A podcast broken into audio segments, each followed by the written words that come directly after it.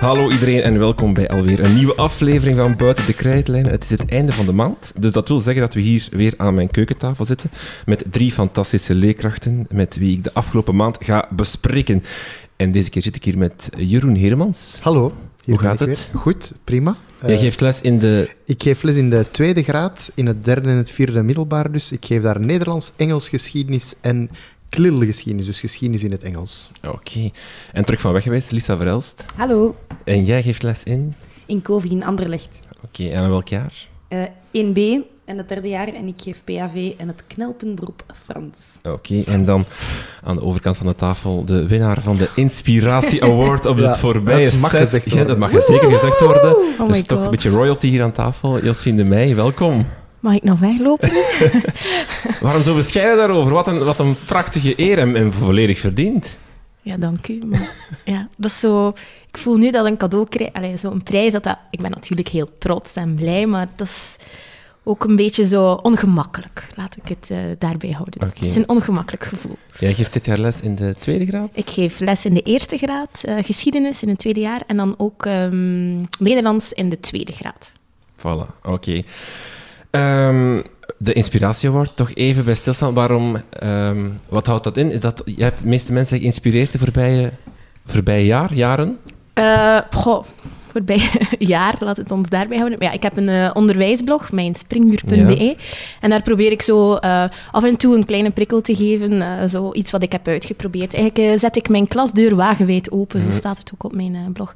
En daarnaast probeer ik ehm, in de stad Ieper, waar ik woon en werk, organiseer ik ook onderwijsterrassen. Een beetje verbonden aan het mysterie van onderwijs.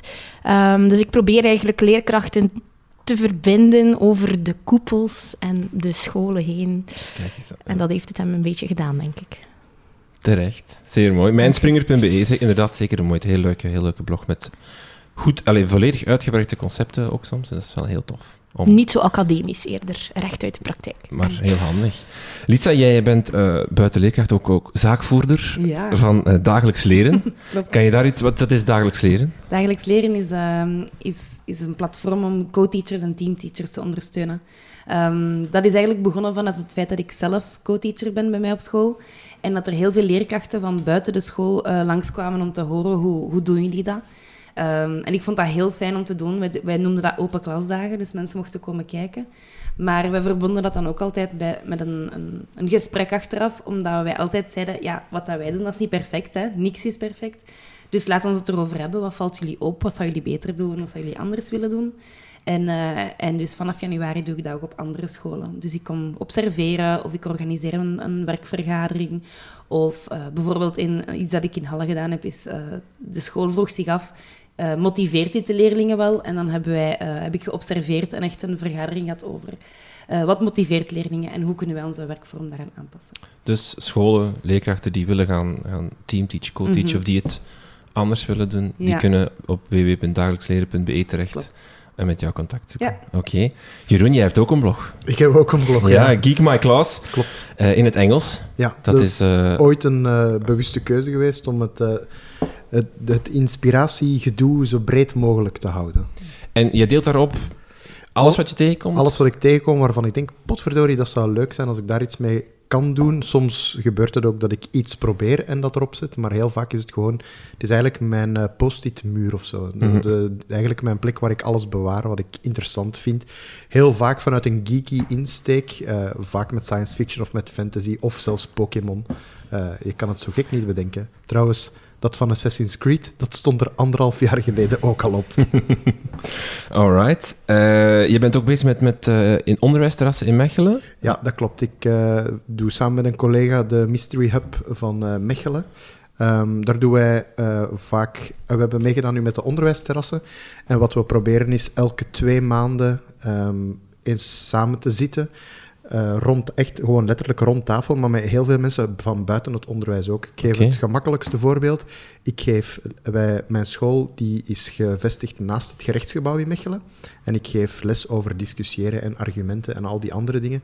Dus ik vroeg me af, er moet toch een advocaat zijn die bij mij in de klas mee zou willen komen helpen. Wat blijkt?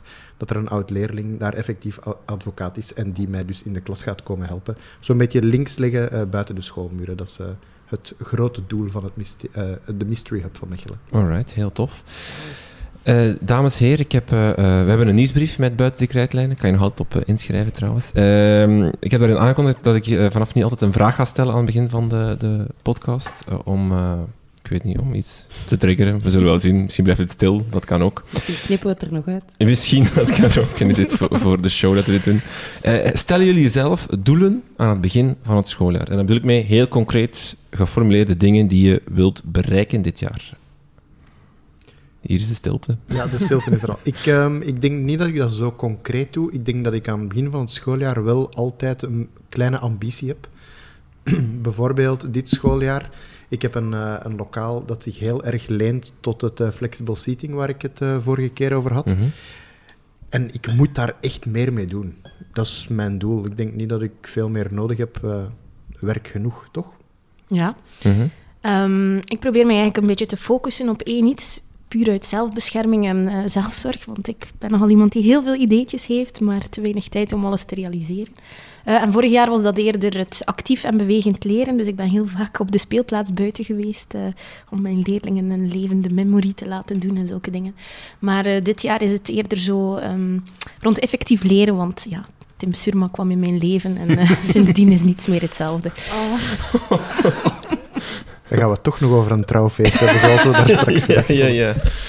Elisa, stel jij jezelf doelen aan het Eh, begin? ja, ja, ik moest heel automatisch ook denken aan doelen voor mezelf. Eh, namelijk twee jobs combineren, dat is eigenlijk 50 jobs combineren. En mijn hoofddoel was eh, heel duidelijk afbakenen wanneer ik aan wat ga werken. Eh, en te proberen niet elke dag mijn Smart School 80 keer te lezen, maar, maar één keer te doen per dag. En dan alleen maar de dagen dat ik effectief lesgeef. Maar dat is heel moeilijk. Eh, en een ander doel, ja, ik heb gezegd dat ik eh, het knelpuntberoep Frans geef. Dat is omdat we geen leerkracht vinden. Ik ben daar niet voor opgeleid. Dus dat is eh, wel een grote focus. Dat is nu het derde jaar dat ik dat geef. Ehm, dus ik ben nu zelf Franse les aan het volgen, zelf uh, nogal aan het investeren daarin. Maar het is wel heel fijn, ik doe dat wel graag. Oké, superleuk. Laten we erin vliegen met het, uh, het nieuws. We beginnen met een, uh, een aparte verklaring waarom uh, meisjes geen stemrichtingen kiezen. Dat is al, al jaren een probleem, dat er meer jongens dan meisjes in die stemrichtingen liggen, zitten. Dat komt namelijk omdat ze te goed lezen, blijkbaar. Um, dus de... de was grappig, denk ik. Ja, denk ik, oké. Okay. Excuseer. Um, er is een nieuw onderzoek van Thomas Breda en Clotilde Nap, gepubliceerd in het PNAS. Denk ik dat je het zo uitspreekt. PNAS lijkt me raar. Um, en zij komen met dus een verklaring waarom er meer meisjes, uh, minder meisjes in de stemrichting zitten. Dat komt omdat zij dus goed lezen en daardoor dus de optie hebben om ook een talige richting te doen. Terwijl jongens meestal uh, niet uh, minder goed lezen, als ze ook geïnteresseerd zijn in stem, dat moet erbij. En dus maar één optie hebben. Dat zou de verklaring zijn. Reacties? Um, ik ben titularis van een stemklas. En er zitten inderdaad veel meer jongens dan meisjes. Maar om nu te zeggen dat dat mij... Allez, om dat even te vertalen naar de klaspraktijk, om, als mij dat nu echt opvalt dat die meisjes per definitie zoveel beter kunnen lezen, maar ik snap het punt wel, maar ik voel dat wel niet hm. uh, in mijn lessen. Dus, ja. Is dit waar jullie mee bezig zijn met uh, genderverschillen in de klas? Het feit dat er voor sommigen meer jongens zijn, of het, er zijn het ook onbewust maken we heel veel verschillen mm. tussen jongens en meisjes. We laten meisjes meer antwoorden, jongens straffen we vaak uh, harder of strenger. Zijn, zijn jullie daar mee bezig soms? Of is dat iets wat compleet aan jullie voorbij gaat? Ja, ik heb, ja, ik heb daar wel veel uh, inderdaad over gelezen dat, uh, dat wij jongensgedrag gemakkelijker afstraffen mm -hmm. dan meisjesgedrag. Terwijl uh, dat, ja, meisjesgedrag leunt eigenlijk gewoon meer aan dan wat schoolsgedrag zou kunnen genoemd worden. Hè. ik heb een tijdje geleden een super interessant boek gelezen en dat heet, hoe heet het? Het gaat over uh, straatcultuur en schoolcultuur.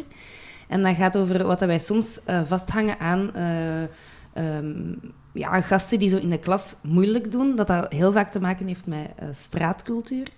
En het, het, thema van het boek was eigenlijk dat we er be bewust van moeten zijn hoe tussen aanhalingstekens vrouwelijk onze schoolcultuur eigenlijk wel is. Want dat gaat heel veel over zelfreflectie en um, zelfverantwoordelijkheid nemen, zorgzaamheid, goed met elkaar praten, conflicten lossen we op door met elkaar te praten enzovoort. Um, en dat dat misschien niet is dat we stil bij moeten staan, dat dat niet voor iedereen even gemakkelijk is. Wordt er ook een oplossing gesuggereerd? Moet, moet de ja. ene dan mannelijker worden, bij wijze van spreken? Of nee. moet het andere dan Nee, want het, het gevaar is... Dit gaat echt niet over jongens, meisjes. Dit gaat echt over straatcultuur. hè. Mhm. Dat gaat echt over zo, ja, die straatjongeren, bij aanhalingste eh, onder aanhalingstekens, tussen aanhalingstekens, die in onze school komen. Ehm, eh, het, het, wat, dat, wat dat je normaal zou kunnen doen, is... Een, een jongere doet super stoer tegen u, dus je reageert super stoer terug hè, als leerkracht. En als je nu niet luistert, dan gaat je naar buiten enzovoort. Maar dat boek gaat eigenlijk over wees u daarvan bewust wat dat hij eigenlijk allemaal met zich meeneemt. En ehm, wees u daarvan bewust dat je ook vertegenwoordiger bent van een bepaalde cultuur.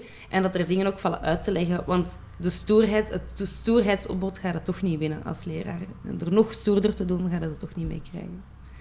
Totaal geen antwoord op uw vraag. Misschien moeten we eens luisteren naar de twee man. Ja, ik denk dat het ook altijd anders is om als vrouw voor de klas te staan. Want ja, misschien kijken jullie daar toch anders Ik tegenaan ben, als ik ben man dan. zelf ook eh, titularis van een drie wetenschappen. Ik denk dat ik 50-50 zit. En toeval wil dat ik eh, vorige week eh, over leesstrategieën heb lesgegeven. En mijn instap daarbij is het grote verschil tussen hoe jongens en meisjes in de klas zitten. Ehm, er is wel degelijk een verschil, uiteraard. Ik heb ook klassen die alleen maar uit jongens bestaan. Ehm, en dat is een hele andere dynamiek dan de gemengde klassen. Ik heb eigenlijk ook liever een gemengde klas. Ehm, nu, ik ben daar ook deze zomer heel erg mee geconfronteerd met genderneutraliteit door mijn nicht. Eh, die heeft mij het boek De Onzichtbare Vrouw eh, in mijn gezicht geschoven. En dat gaat eigenlijk bijvoorbeeld over hoe gek het is dat als auto's getest worden met hun airbags, dat de Mhm. vrouwelijke poppen altijd op de passagierszetel worden geplaatst. En dat er dus eigenlijk geen data beschikbaar is over vrouwen achter het stuur. Mhm. Gelukkig maar. Hè. Nee, dat was een vlam. maar eh, begrijp je waar ik naartoe wil? Dat zijn Ja. zo de discussies die dan op het familiefeest gebeuren. Ehm, maar ik denk eigenlijk dat in C, dat die keuze voor stemrichtingen of wetenschappen, wat dat je er ook van wil maken, dat die toch nog altijd veel bepaald worden door het beeld dat daar aan opgehangen wordt. Ja. Ik zie zo van die heel ongemakkelijke foto's bij ons aan de scholen waar ik voorbij rijd. Soms waren zo van die hele grote reclames hangen van kom ook bij ons stem doen. En dat voelt toch nog altijd een beetje geforceerd dat daar toch één eh, kindje met een donkere huidskleur heel prominent op staat en ook een meisje. En dan denk ik van, mannetjes, waar zijn we eigenlijk mee bezig? Misschien moeten we het ook niet zo moeilijk maken of zo. Eh, ik, ik, ik weet niet, ik denk als je gewoon de mensen op de juiste manier kunt triggeren qua interesse, dan heb je al die, die beelden die de maatschappij er dan van heeft misschien niet nodig. Ehm, ja, ik, ik, ik, ben, ik, ik hoop ook dat, dat eh, mijn dochter later keuzes maakt die ze zelf gewoon wilt. En niet omdat de mensen vinden dat een vrouw dat niet zou kunnen of zo. Dat zou ik ook niet fijn vinden. Ik denk dat voorbeeldfiguren ook heel belangrijk zijn. Ik Ja. weet het niet, maar bijvoorbeeld ICT-coördinatoren, bij wie zijn ze op school vrouwelijk? Wij hebben wel iemand die, eh, die het ICT-team eh, heel erg draagt. Ja. En dat is wel één vrouw. Maar er staan inderdaad twee mannen tegenover. Ja. Dus ik denk dat zulke dingen ook belangrijk zullen zijn om ook leerlingen op de school. Barbie doet daar een goede zaak in met eh, de 60ste verjaardag. En allemaal eh, niet evidente eh, poppenfiguren te, te maken. Hè, van en de laboranten en de... Wat was het nog allemaal? Was dat ook een astronaut bij en zo? En het vooral ook in onze eigen eh, werkblaadjes en zo te stoppen. Hè. Dus niet alleen maar de mannelijke loodgieter of zoiets daar oog voor hebben. Ik denk dat het allemaal kleine dingetjes zijn die er wel toe kunnen bijdragen. Mhm.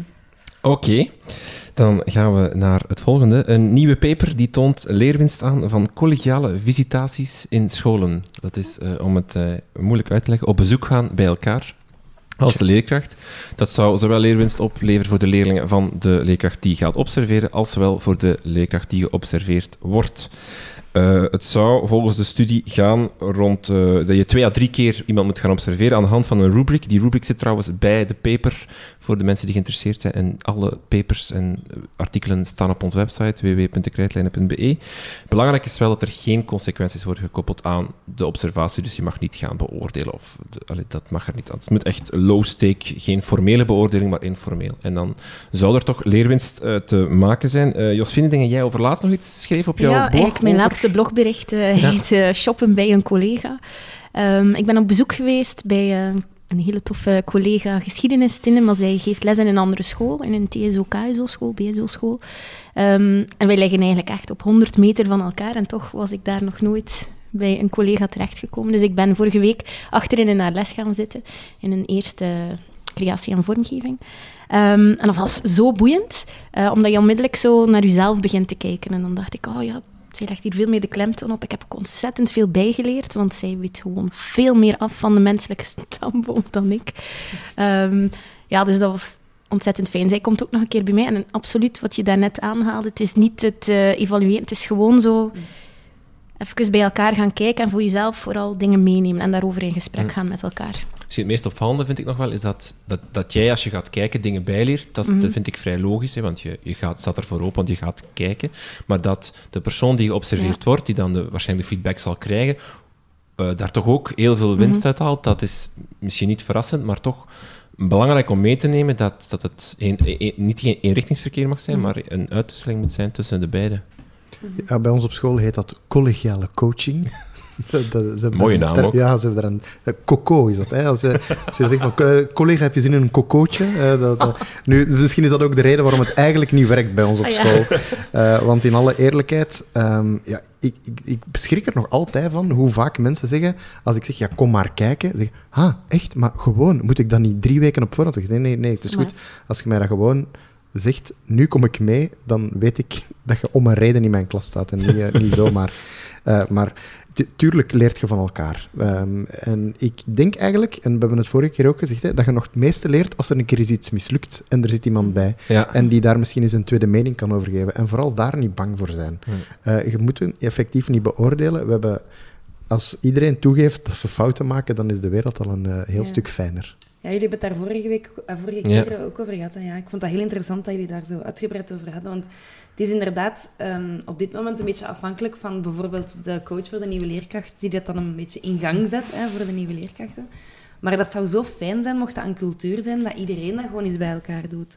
Um, ik heb zelf vorig jaar, uh, ik had vorig jaar een uurtje en dat was ondersteuning van de co-teachers bij ons. En ik had de vraag gekregen van een collega um, die samen met haar co-teacher, collega, het moeilijk vond uh, in een klas. Van kom eens kijken in, in mijn klas.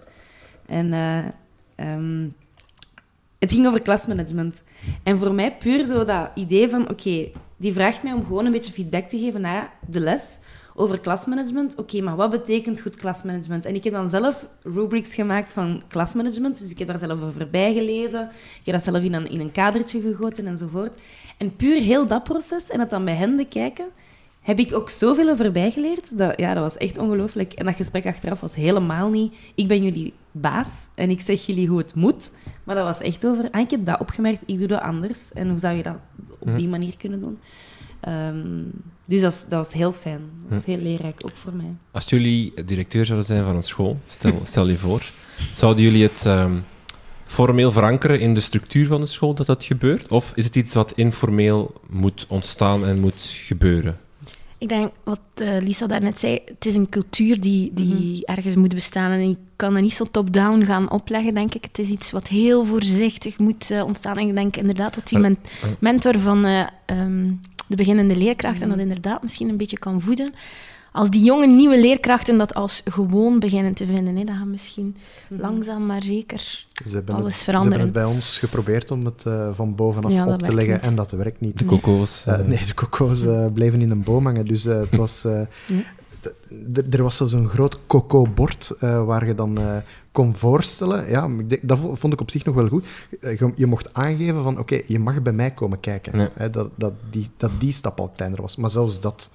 want er gingen een, een acht, negen, tiental collega's die zeiden van, kijk, ik ga dat doen volgende week. Als je daar eens naar wil komen kijken, hè, graag. En dat was dan heel vaak een alternatieve werkvorm, maar dat hoeft zelfs niet. Um, ja, je kunt even goed leren van verdorie, ik moet weer drie oefeningen maken in het werkboek. Hoe pak jij dat dan? Mm -hmm. Maar, um, sorry. maar. um, we gaan het straks denk ik nog even over, over vergader, uh, vergadercultuur en zo. Hè. Um, wat ik daarover en hierover wil zeggen is, inderdaad, je hebt uh, Jan van Hoven en, en, Peter van Petegem praten daar vaak over. Je hebt cultuur en je hebt structuur op school, bijvoorbeeld een vergadercultuur een vergaderstructuur enzovoort. ik, ik denk wel dat het helpt als uw beleid structureel dingen vergemakkelijkt of aanstuurt of, of, of begeleidt, dat het vergemakkelijkt. Um, al was het maar te weten komen, ah, die collega's die gaan soms bij elkaar kijken, oké, we gaan zien hoe dat we dat kunnen verbreden. Um, als ik directeur zou zijn, zou ik daar wel over nadenken. Ik zou dat niet top-down verplichten, maar ik zou wel eens zien, bijvoorbeeld met de collega die dan aanvangsbegeleiding doet, ja. uh, kan jij dat dan misschien doen met de nieuwe leerkrachten? Of eh, ik, zou dat toch, ja, ik zou dat toch een structuur rond willen. Ja, ik volg dat volledig. En stel dat onze directies nu aan het luisteren zijn, niet waar, Jeroen? We gingen een test Dan doen, misschien deze kleine suggestie, dat kan al bijvoorbeeld, stel dat Lisa op mijn school werkt en zij wil bij mij komen kijken en ik bij haar.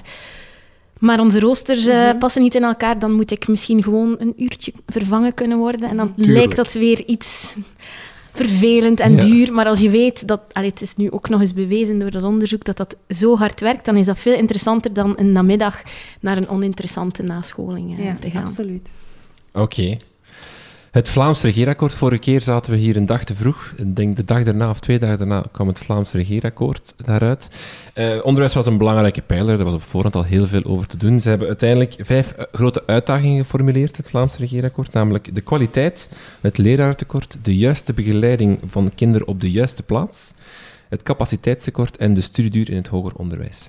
We zouden nu al die maatregelen kunnen bespreken. Dat gaan we niet doen. Ik vraag mij gewoon af, voor jullie dan bijvoorbeeld, als dat uitkomt, dat Vlaams regeerakkoord, is het dan het direct opzoeken, checken, lezen? Of is dat iets van, couldn't care less, wat maakt het uit? Ze gaan daar toch vier jaar over palaveren en we gaan dat toch niet weten. weten. Nee, ik, ik Ik vraag ben, me af. ik ben echt super blij dat je dat zegt, want ik ging eigenlijk beginnen met ik ga hier door de mand vallen, jongens, want ik volg dat echt voor geen meter. Maar te- bewust van, Ja, bewust, je voelt omdat dat ik- toch niet in uw klaslokaal wat die Ben Maar- daar beslist? als, als, als er eh, in mijn, naar mijn aanvoelen op zo'n niveau iets beslist wordt, dan duurt dat, dan duurt dat zo Hm. lang voordat het in uw klas komt. Ehm, en als er effectief maatregelen zijn die van op de school van toepassing zijn, dan vertrouw ik eigenlijk mijn directie daarin dat ze mij duidelijk gaan communiceren van dat wordt er nu verwacht.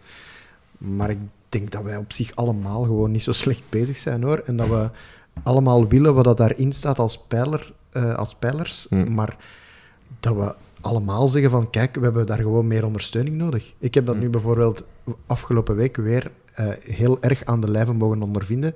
Ik heb twee leerlingen met een mobiele beperking in mijn klas. Dat is geen enkel probleem. Ik zie die kinderen doodgraag. Eh, maar wij moesten voor een drugsproject eh, naar de bioscoop. En als ik dan s'morgens op het secretariaat ga vragen... Ja, hoe, gaan, hoe gaan die naar de bioscoop geraken? Ah ja, dat is juist. Daar moesten we ook nog aan denken. Zeg ja, daar ben ik nu aan aan het denken als titularis. En eigenlijk, dat is heel stout, maar dat is eigenlijk niet mijn job om daar ook nog eens iets voor te gaan regelen. Gewoon die ondersteuning en dat beleid, dat, daar, daar ben ik dan wel bezorgd om. Zo, die ondersteuning van wat, wat kunnen zij nu voor ons betekenen? Dat, dat vind ik dan belangrijker dan alle kleine lettertjes te gaan halen. Ja, want er zijn wel belangrijke dingen. Het M-decreet wordt vervangen, eh, de standaardiseerde toetsen zullen er komen, eh, ooit eens. Eh, Dat is het grappige zinnetje, vind ik, dat namelijk dat... ehm, eh, de, er zijn maatregelen aangekondigd, maar hoe die precies vorm zullen krijgen is nog niet duidelijk. Het is eigenlijk zo dat de minister van Onderwijs ze nog moet bedenken. Dus de kans dat we veel zullen zien dit deze regeringsperiode is Mm. klein, denk ik. Maar liggen jullie ervan wakker van? Is dit wat, wat jullie volgen, wat jullie lezen, wat jullie... Ja, ik, ja, ik volg dat wel, ja. Maar En waarom? ja, waarom? Goeie vraag. Want Interesse kan natuurlijk ook, hè? Of, of gewoon... Nee, maar bijvoorbeeld, wat mij dan, eh, zoals Jeroen ook heel erg interesseert, is dan, je hoort dan het M-decreet wordt afgeschaft. Hm. En eh, ik zou het daar graag eh, Ja. straks nog verder over hebben. Maar ehm, ja, in zo'n, in zo'n akkoord, dat zijn woorden die zo hol zijn, Ja, ja. dat je eigenlijk niet weet, oh, dat heet dat dan nu begeleidingsakkoord. Of bijvoorbeeld nog zo'n woord, excelleren. Of nog zo'n zinnetje, de leraar centraal. De leraar moet weer kunnen lesgeven. Ja, ik ging, dat, ik ging dat aanhalen ook. Ja. Dat, voor mij wil dat niks zeggen. Nee. Voor mij kun je dat op 80 manieren invullen. Ik keek wel heel erg uit naar het meldpunt planlast. ja. Dat Daar staat daarin, we- hè? Als dat er is, bellen we live in de podcast Ja, naar het dat meldpunt. gaan we zeker Planlast. Oh, Dat, eh, dat nu al uitkijken. Indien u dicht bij een burn-out zit, druk 3. Ja, ik ben, ik ben zeer benieuwd wat het gaat zijn, wie dat, Ja, dat ook. is. En het loopbaanpact, Wie dat er ook voor gaat werken. om daar nog eventjes op in te gaan. Ik ben toch ook wel benieuwd naar het loopbaanpact. Want allee, we hebben toch wel heel wat leerkrachten tekort. Lisa geeft een vak eh, waarvoor ze eigenlijk niet opgeleid is. Bij ons op school is er ook iemand bijvoorbeeld die wiskunde geeft. Ehm, maar daar ook geen opleiding voor eh, heeft. Dus dat zijn toch allemaal dingen die me een beetje zorgen baren. Zeker zijnde als mama. Ehm, want ja, Maar weinig over nog geweten, hè? Over weinig het over geweten. En het is ook iets dat aansleept. Hè. Niemand kan daar precies eh, iets rond, Hm. rond krijgen. Ja, ja. Lisa, het M-decreet wordt Mhm. afgeschaft, maar er wordt iets nieuws in de plaats eh, geze- gezet. En ik citeer even, een echt begeleidingsdecreet voor kinderen met zorgnoden en hun leerkrachten. En jij wou daar twee, bron, of twee artikeltjes over aanhalen. Eentje van eh, Grip VZ2, een, een vereniging voor kinderen en mensen met een beperking. Ja. En het andere was een artikel, een opiniestukje op 14 Nieuws van twee ouders met Ja. kinderen met extra zorgnoden. Waarom wou je die kant van het verhaal even laten Ehm, horen? Omdat, dat is eigenlijk bij mij begonnen met eh, het feit dat wij vorige maand twee Canadese leerkrachten bij ons op bezoek hebben gekregen. ehm, bij ons op school, omdat wij co-teachen. En blijkbaar is België een gidsland op vlak van co-teaching. Dus blijkbaar hoor je in Canada, wil je weten hoe je moet co-teachen, ga naar België of ga naar Zwitserland. De. Wikipedia-pagina over co-teaching begint met een link naar België. Ja, dat zal wel zijn. Dat is toch ongelooflijk. Dat is echt toch iets om trots op te zijn. We zijn het Finland van het co-teaching. Ehm, en dus co-teaching is iets dat ooit gestart is om kinderen met beperkingen gemakkelijker te ondersteunen. Dus ooit is dat opgestart vanuit het idee een gewone leraar met een special needs teacher, heet dat dan, die samen in de klas staan.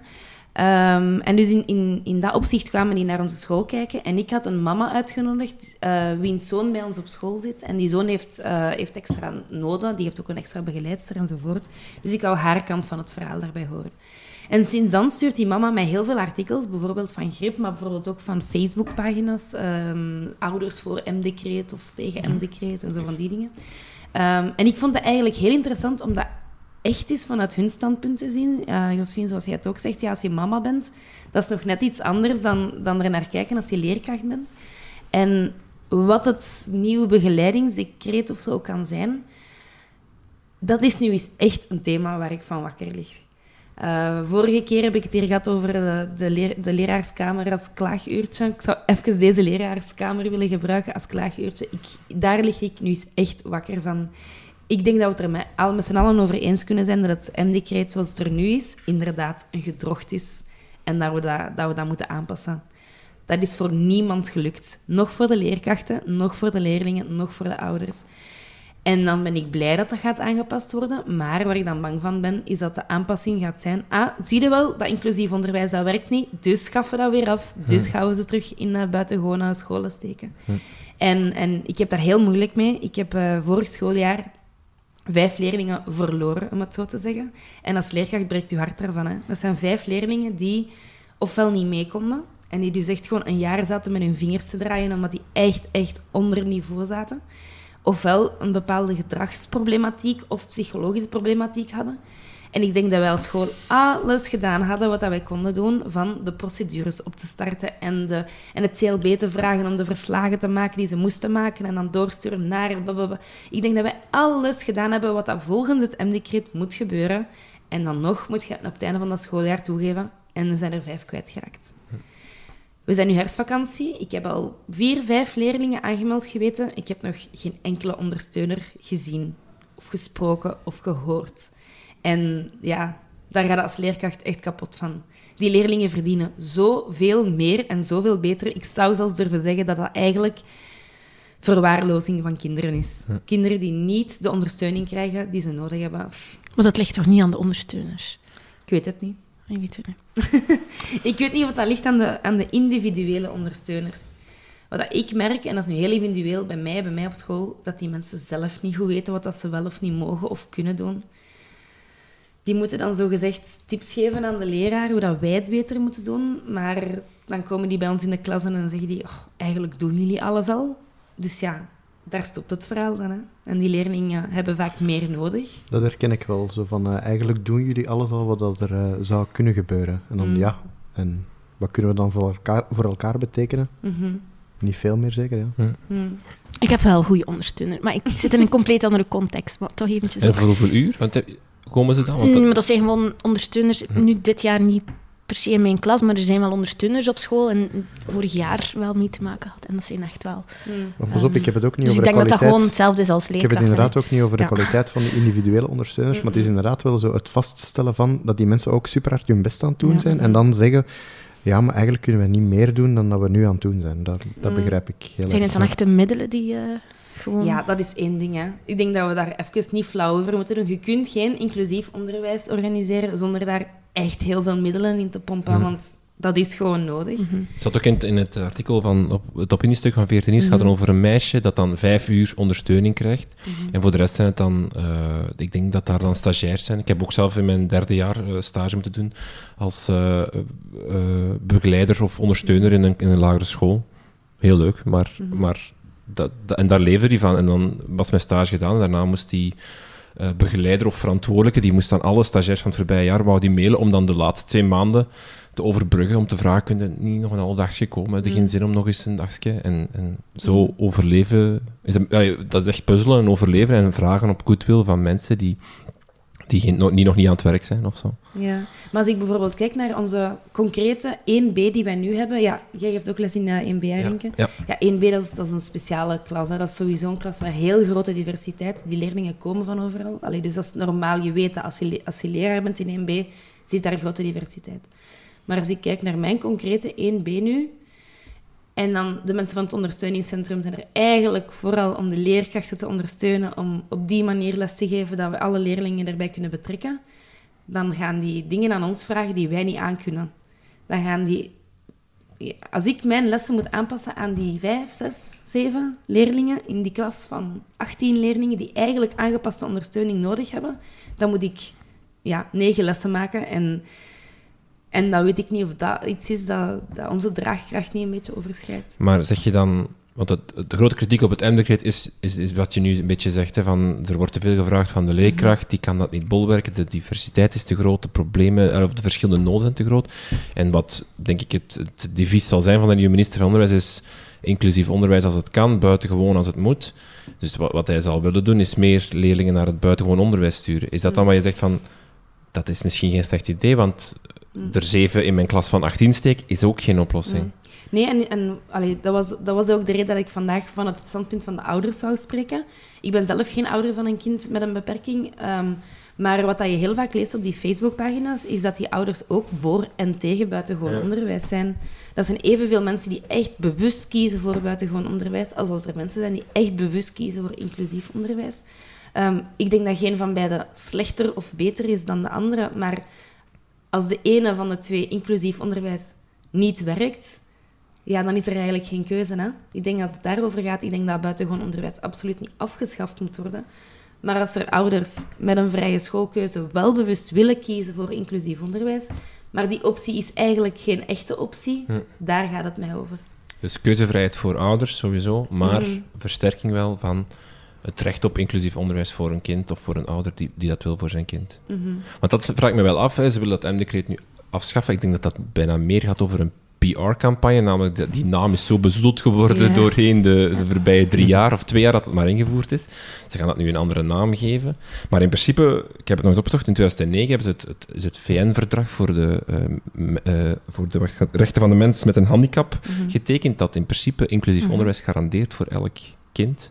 Je kunt daar niet omheen. Hè? We hebben, dat, we hebben dat getekend, geratificeerd. We kunnen daar inderdaad niet omheen. Dus ze zullen toch iets moeten doen. En hopelijk goed. En als ik nu kijk naar concreet de, de klasvloer, hè, denk ik soms, zo moeilijk is het niet hoor. Bijvoorbeeld, hè, een van onze gasten die heeft het moeilijk met begrijpend lezen. Wij werken met een systeem waarin dat de leerlingen veel zelfstandig aan de slag moeten kunnen. En die heeft het dus heel moeilijk met de instructie van taken te begrijpen.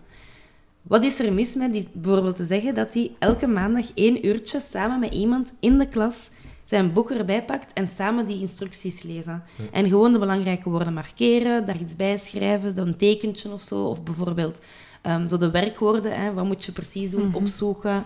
Dat even te markeren of daar een tekeningetje bij te zetten of whatever. En dan is dat één uurtje geweest, maar dan is die gast al ongelooflijk bijgeholpen, alleen mee, er, allee, vooruit geholpen. Maar ik kan als individuele leraar er wel niet bij nemen, want ik heb ondertussen wel die andere gasten erbij.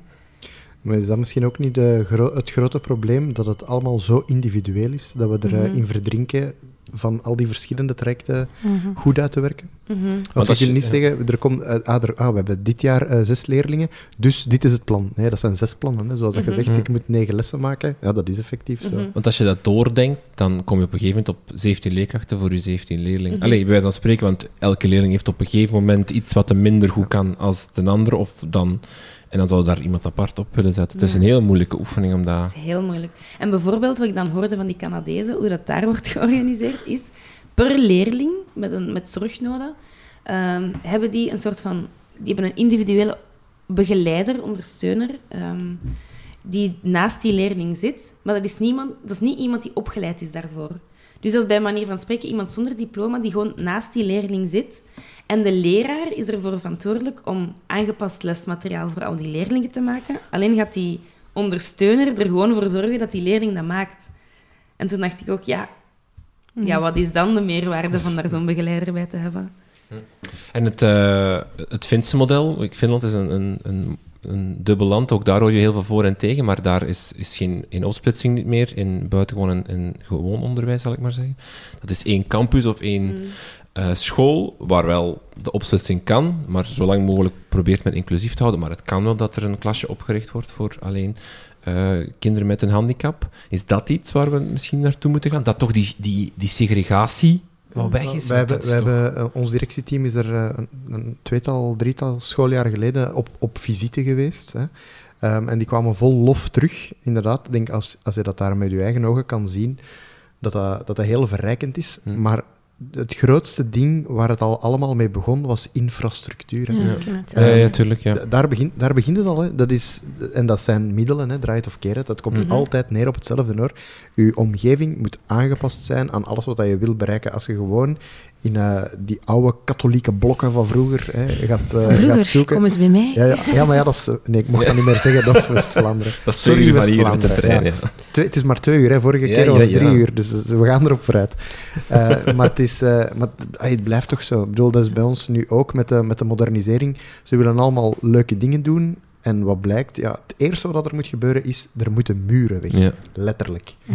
Ja, dat, allee, komt toch altijd, het komt mm. altijd op hetzelfde neer. Mm. Oké. Okay. En middelen, hè, bijvoorbeeld een hoogbegaafde leerling, ook dat. Bijvoorbeeld ja, um, in uw klas, dan kom ik weer, we hebben de vorige keer hier in de podcast eigenlijk hetzelfde gesprek gehad. Dan wil je gaan differentiëren in je les, dan ja, bedenk je toch een aantal sporen of verschillende paden. En dan, ja, oei, ik heb geen laptop. Of oei, we zitten hier te dicht op bij, bij elkaar. En, ja. ja. Misschien een test voor als Ben Wijts luistert naar de podcast. Uh, een oproep, noem het zoals je wilt, het uh, nieuwe M-decreet, maar voorzie voldoende middelen. Ik kan nog eventjes aangeven, ik was eventjes helemaal stil geworden, maar dat is door Lisa. Zo, oef, allez, ik was daar echt van onder de indruk hoe dat je dat vertelde. En ik kreeg eventjes uh, kippenvel, zo. Die passie en die betrokkenheid bij de leerlingen, wauw. Dat is wat ze verdienen, zeker? Ja, tuurlijk, maar toch mogen dat toch ook eens zeggen tegen elkaar. Voilà. Dankjewel. We gaan misschien... Nee, we gaan door op een ander elan, maar we gaan het hebben over uh, een, een, tabelletje die, dat uh, Pedro de Bruikere tweette uh, een paar weken geleden, dat eigenlijk al heel oud is, dus van 2013, maar het, het, werd, het werd deze maand getweet, dus ik dacht het telt. Hè. ik zet het erop. Hashtag het gaat, oldschool. het gaat over uh, het verschil... Nee, wacht, ik moet het goed uitleggen, want het is een moeilijk in te interpreteren tabel. Maar ja, het, ik heb het niet begrepen. het gaat eigenlijk over het feit dat we als Vlaanderen laatst in de klas zijn um, in... Uh, het plaatsen of het laten lesgeven van ervaren leerkrachten in klassen waar meer dan 30% van de leerlingen uit een sociaal moeilijke omgeving komt. We staan daar, eh, als je, ik kan het hier laten zien, hopeloos laatste, mhm. helemaal onderaan. Zweden en, en, Canada staan zelfs boven, allee, staan boven ons, niet zelfs. um, dus we, staan daar, we, we, we zijn daar heel slechte um, leerling in de klas in, om in de metafoor van onderwijs te blijven. Uh, wat eigenlijk dus neerkomt, is dat, als ik het een beetje vertaal naar de praktijk, dat uh, de minst ervaren leerkrachten, de jonge leerkrachten, heel vaak in de B-stroom of in BSO lesgeven. Of in de moeilijkste klassen. In de moeilijkste klassen. Um, maar ik denk als je kijkt naar sociale uh, status en dergelijke, dat dat heel vaak, ik mag hier niet in veralgemeniseren, maar dat heel vaak op BSO terecht zal komen. En uh, de vraag is, hoe komt dat? We hebben hier twee leerkrachten aan tafel die in de B-stroom lesgeven, twee die niet in de B-stroom lesgeven. Klopt. Ooit gedaan? Nee. nee. Stage, maar... Doen. Stage. Ooit uh, oh, stage. ambitie? Ja, uh, ik wel. Geen uitgesproken, nee. uh, maar ik weet ook niet hoe dat ik daar, hoe dat ik daar uh, niet in terechtgekomen hmm. ben of zo. Ja. Bij mij was dat eerder toeval. Aan ja. de klas, de ik denk, ik, ik, ik kreeg een aanbieding waar ik, ik, ik kom nog uit de periode waar je als regent drie vakken moest kiezen en ik kreeg een aanbieding, terwijl ik eigenlijk al een betrekking had op een andere school, om die drie vakken te geven en dat was hetgeen wat ik altijd wilde doen. En. Want dat was toen eigenlijk ook een school met een uh, minder goede naam, omdat er, toen ook, er werd toen ook altijd gezegd uh, dat, ze daar, uh, dat daar de klassen heel moeilijk waren. Hm. ik heb dat ook ervaren in een klas, dat dat effectief moeilijke klassen waren. En ik merk ook, we hebben bijvoorbeeld bij ons ook een TSO-richting waarin weinig mensen willen lesgeven, waar ik heel graag in lesgeef. ik denk dat dat in in niks te vergelijken is met een B-stroom, maar het zijn inderdaad wel leerlingen die kiezen voor negen uur sport. En dat is in alle eerlijkheid niet altijd een positieve keuze. Dat is heel vaak van, ja, dan moeten we minder doen voor school. Wat Ja, ja. blijkt ook niet waar te zijn, want het is een theoretisch-technische richting. Dus die vergissen zich daar soms wel eens in. Eh, maar ik, ik, kom, ik kom daar graag. En, ik, en, en, ehm, en ik, ik geef nu bijvoorbeeld al tien jaar Nederlands in die richting.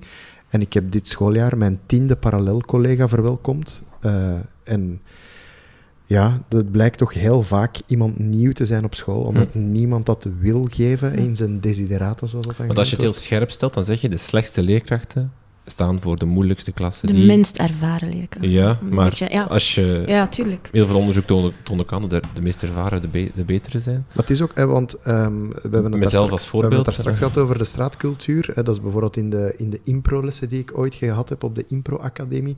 Dan gaat het over statussen en dan gaat het ook over als jij een, als je leerling u probeert uit te dagen. Eigenlijk wat hij probeert te doen is zijn status boven die van jou te brengen. Wat je absoluut niet mag doen is daar nog eens proberen over te gaan. Je moet duidelijk maken dat je zijn, de status gelijk kan brengen en je moet hem proberen eh, terug naar beneden te, te krijgen, zonder daar uw stem te verheffen en zo verder. En dat is iets dat ik heel erg vaak merk. Wanneer loopt het mis bij een beginnende leerkracht? Van het moment dat die beginnen roepen en krijsen, Mm. omdat ze het zelf niet meer onder controle hebben. En daar volg ik u in. Ehm, dat, dan noem, dat zijn slechte leerkrachten, maar je moet ook zien wat ik hier, eh, wat ik hier zeg. Maar dat, dat komt gewoon door die onervarenheid. Ah ja, tuurlijk. Ja. Ik, voel, maar ik ben, ik ben mijn, vierde jaar bezig. Ja. Ik voel mezelf ook nog altijd een, een onervaren en dus niet zo heel goede leerkracht. Allee, als ik mijn ervaren collega's bezig zie, dan denk ik, wauw. Allee, ehm, Mag ik daar... je- Zeker. Het is een beetje gevoelig wat ik nu zal zeggen. Misschien zal het ook niet echt in dank afgenomen worden, maar ik zal het toch maar zeggen. En als puur naar onszelf kijkende, hebben leerkrachten ook niet gewoon veel te veel privileges. En ik wil niet in die klas staan en ik wil zo'n rooster. En dan moeten de jonge leerkrachten maar het slechtste uurrooster hebben en zeven verschillende opdrachten hebben.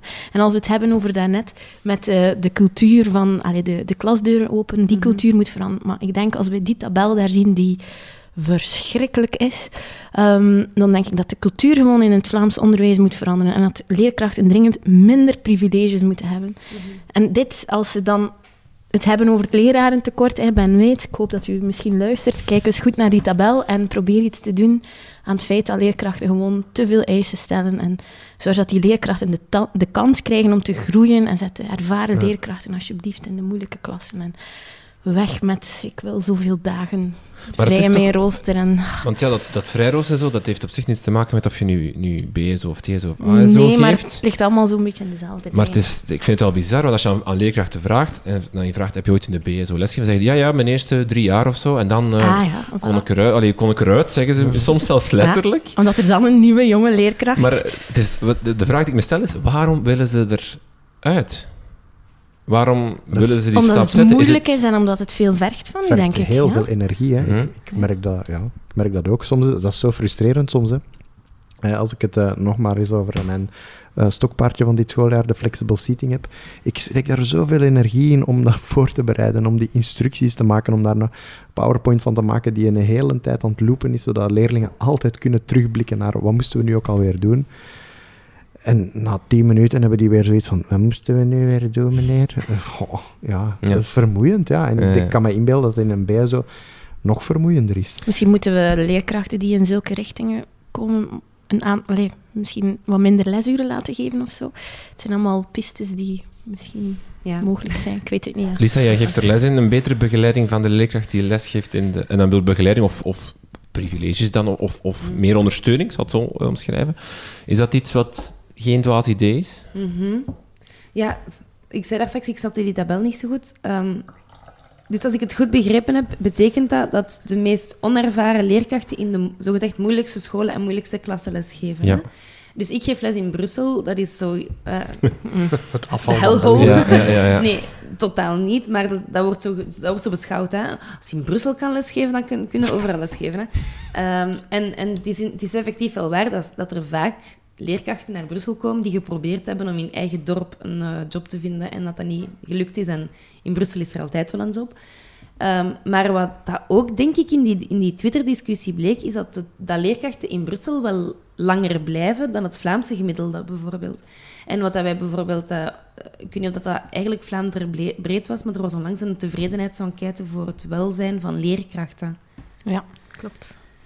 Dat En gemist. Dat wij- heb ik ook gemist. ja, dat, dat is in maart, denk ik, geweest. En dan moesten wij een enquête invullen over onze, onze eigen welbevinden.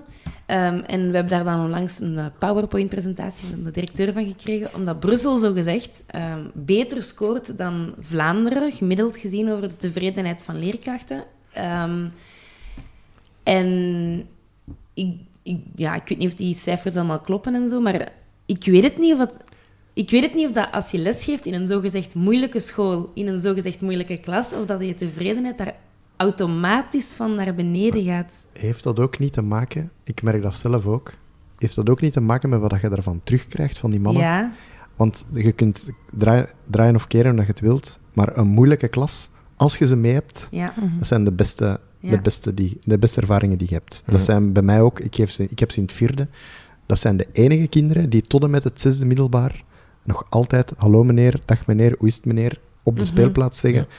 Eh, met alle respect voor alle Latinisten ter wereld, maar eh mijn Latinisten die doen dat niet hoor. Mm. ja ik, ik moet zeggen, ik, ik zou op dit moment nergens anders willen lesgeven dan bij mijn Brusselse Ketta van BSO. Ik, ik zie die doodgraag, die zijn zo eerlijk. Ik zou daar totaal anders in de klas zijn als ik inderdaad in een ASO-school eh, Latijn zou geven, want ik ben een Latinist. ik heb Latijn gestudeerd. Ik ben eigenlijk een leerkracht Latijn van opleiding. Ehm, maar ik ga een voorbeeld geven. Vrijdag was het echt, echt zo'n dag dat alles misliep. En dan zeg ik dat in mijn klas. Dan zeg ik, gasten, vandaag is een dag dat alles misloopt. Ik ben mijn bril vergeten. Wie heeft er nog iets meegemaakt? En dan zei de Ryan dat hem de verkeerde metro had gepakt. en dan zei de Mohammed dat, dat zijn wekker niet was afgegaan. En dan, dan zei ik, oké, voilà, zo'n dag is het vandaag. Alles loopt moeilijk vandaag. Dus we gaan het onszelf gemakkelijk maken en we gaan niet moeilijk doen. Oké, ik maak het jullie niet moeilijk, jullie maken het mij niet moeilijk en we gaan gewoon de les volgen. En zoiets zou ik denk ik minder gemakkelijk zeggen in, in, een, in een school waar dat ik het gevoel van heb dat, ik, ja, dat je zo je autoriteit of zo nog moet... Allee, ik voel mij veel ja, rustiger bij die mannen. Die zullen het mij wel zeggen als het een stomme les is. Dus ik weet dat. Hm. ja. Ik doe dat heel graag. Hm. En ik ben echt leerkracht geworden om jongeren te zien groeien. En ik ben vooral op het pedagogisch-didactische gesprongen, meer dan op het eh, ik wil mijn vak overdragen. En dus wat dat mij echt inspireert, is als ik een manier gevonden heb om die gasten vooruit te krijgen. En dus ik, ik ga de meerderheid van de tijd gelukkig naar huis. Dat is wel zo, inderdaad. Dat merk ik ook wel, dat als je lesgeeft... Ik, we hebben alleen maar een eerste graad, dus je hebt bij ons A-stroom of B-stroom. Er zit... oh, Maar ja, het is natuurlijk eerste graad, dus inhoudelijk blijft het altijd een beetje... Niet zo'n gigantische uitdaging, zal ik maar zeggen. Maar er zit wel een gigantisch pedagogische uitdaging in lesgeven in een B-stroom, die, die wel eh, u soms verschrikkelijk uitput, maar ook eh, u... u u uitdaagt, waar, dat je, waar dat je goesting van krijgt om dat te doen of dat te doen. Terwijl in, in A-stroom is het soms, ik ga die les geven, komt wel goed. Eh, Die gaan dat wel snappen en ik leg dat zo uit en dan toetsken en dan daarna verbeteren. Ja, daar ben ik toch ook al van teruggekomen. Zo, van, eh, in dat is zo, ik zal het wel doen en het- ze gaan het snappen. Dat is toch, ik vind dan, allee, ja, Nee, het is- dat- Nee, dat dus niet, het is, maar, het eh, is dan, dan, ja. dan allee, of moeilijker dan ik het Ja. nu echt uitleg. Latinisten, dat kunnen ook kiekjes zijn. Zo. Dat is, eh, absoluut. En veel eisend ook soms. Ja, Ja, veel dat is waar. En, en die, die, dat zijn vaak nog mijn, mijn luidruchtigste klassen Ja. ook. Eh, dat duurt, want die hebben altijd nog van alles intelligent in elkaar te vertellen over de Romeinse Republiek en zo. Ja. Maar ik begrijp wat Lisa zegt over Dat zelf pedagogisch-didactische uitdaging die je hebt in, ja. in de B-stroom. Ja. Oké, Allemaal welkom in Brussel, het is hier tof. voilà, dus een collegiale visitatie bij, maar bij ja, als je, als je echt geïnteresseerd bent in hoe innovatief les te geven, ja, in Brussel kunnen wij niet anders, dus wij doen maar. En er is ook veel wafelkramen. Voilà. Het zal wel zijn. En mannekepis. Creatief, innovatief, nog steeds de titel van onze rubriek. Als er mensen een betere titel hebben, laat het ons weten. We zijn nog steeds zoekende. Jeroen, jij bent eh, naar Set geweest. Ja, dat was De- waar de- Josephine een prijs gewonnen heeft. Ja, Oh. vertel meer. Eh, ik ben naar set geweest en ik ga eigenlijk ook dadelijk ehm, een beetje antwoorden op uh, feedback die we ook gekregen hebben van kan er niet eens een wetenschapsleerkracht aan tafel? Ja. Wel, misschien moeten we gewoon een oproep doen. Bent u een wetenschapsleerkracht en hebt u een prachtige radiostem? Uh, dan moet u gewoon solliciteren bij ons of zo. Of gewoon zeggen, ik kom. En dan, dan zeggen wij oké. Okay. Want ik, ik, dat was eigenlijk mijn gevoel. Set is voor alle duidelijkheid een tweedaagse beurs in Gent uh, van uh, technologische vernieuwing in het onderwijs. Daar stond ik dan als uh, leerkracht Nederlands, Engels en geschiedenis. Um, en ik miste eigenlijk mijn stemcollega. Um, ik heb dat achteraf ook gezegd. Um, nu, de veel dingen die daar stonden, die kenden we al. De, van die dingen die we op ICT-dag en zo ook al gezien hebben. Um, wat mij opviel was dat er heel veel Hollanders waren, heel veel Hollandse bedrijven die, um, die van alle dingen verkochten. Um, zo robotdingen uh, en zo, van die grote projectoren voor in de, in de gymzaal, uh, zodat je videogames kon doen in je lessen LO. Ik vond het op zich een, een, een, een leuk opzet, die beurs. Vond het uh, wel heel erg gericht op het uh, commerciële, als, zeker als het uh, ging op, allee, over wetenschap. Er stonden heel veel mensen dingen te verkopen. Mm -hmm. en dat was ook heel vaak duidelijk dat het verkoopspraatjes waren. Voor mezelf persoonlijk um, herinner ik mij. Um, uh, wat was het? Was het nu twee of drie dingen? Twee dingen waar ik zeker iets over wil zeggen. De prijs van Josephine? Uh, dat was het derde. E ah, okay. um, maar nee, oh, ik had bijna Josephine haar telefoon vast. Ik ging mijn telefoon even pakken. ik heb daar bijvoorbeeld iemand leren, uh, iemand leren kennen. Wel, het was, het was anders. Die meneer die herkende mij als impro-acteur. Die had al mijn shows gezien. en dat bleek een meneer te zijn die bezig was met een start-up. Want er was ook een hoekje voorzien voor start-ups. Um, en dat was iemand van uh, Parlangi. Ik had er nog nooit van gehoord. Uh, maar, uh, ik ken die meneer. Kijk eens aan. een toffe. Voilà. We hebben een lunchafspraak binnenkort, dus het komt zeker goed. nu, wat, wat doen die mensen? die brengen ouderen um, die een andere taal spreken, bijvoorbeeld Frans, Engels, Spaans, Duits. Ouderen die zo'n beetje in isolatie zitten, ook heel vaak, die brengen die in contact met jongeren om hun vreemde taal, dus via videocalling, uh, gaan die zo, zo hun, hun, vreemde taal oefenen. Door effectief met mensen te praten die die uh, vreemde taal als moedertaal hebben. En dus wisselwerking, die ouderen een beetje uit isolatie te houden en een beetje uh, hm. dichter bij de mensen te brengen. ik vond dat een heel mooi vernoemenswaardig initiatief. Dus Parlangi, zo Parlangi. heet de mensen. Waarom doe ik dat? um, dan uh, ben ik ook nog uh, terechtgekomen bij de mensen van de Artevelde Hogeschool, uh, die een webplatform hebben, Game Learn Grow. Um, en dat is eigenlijk het.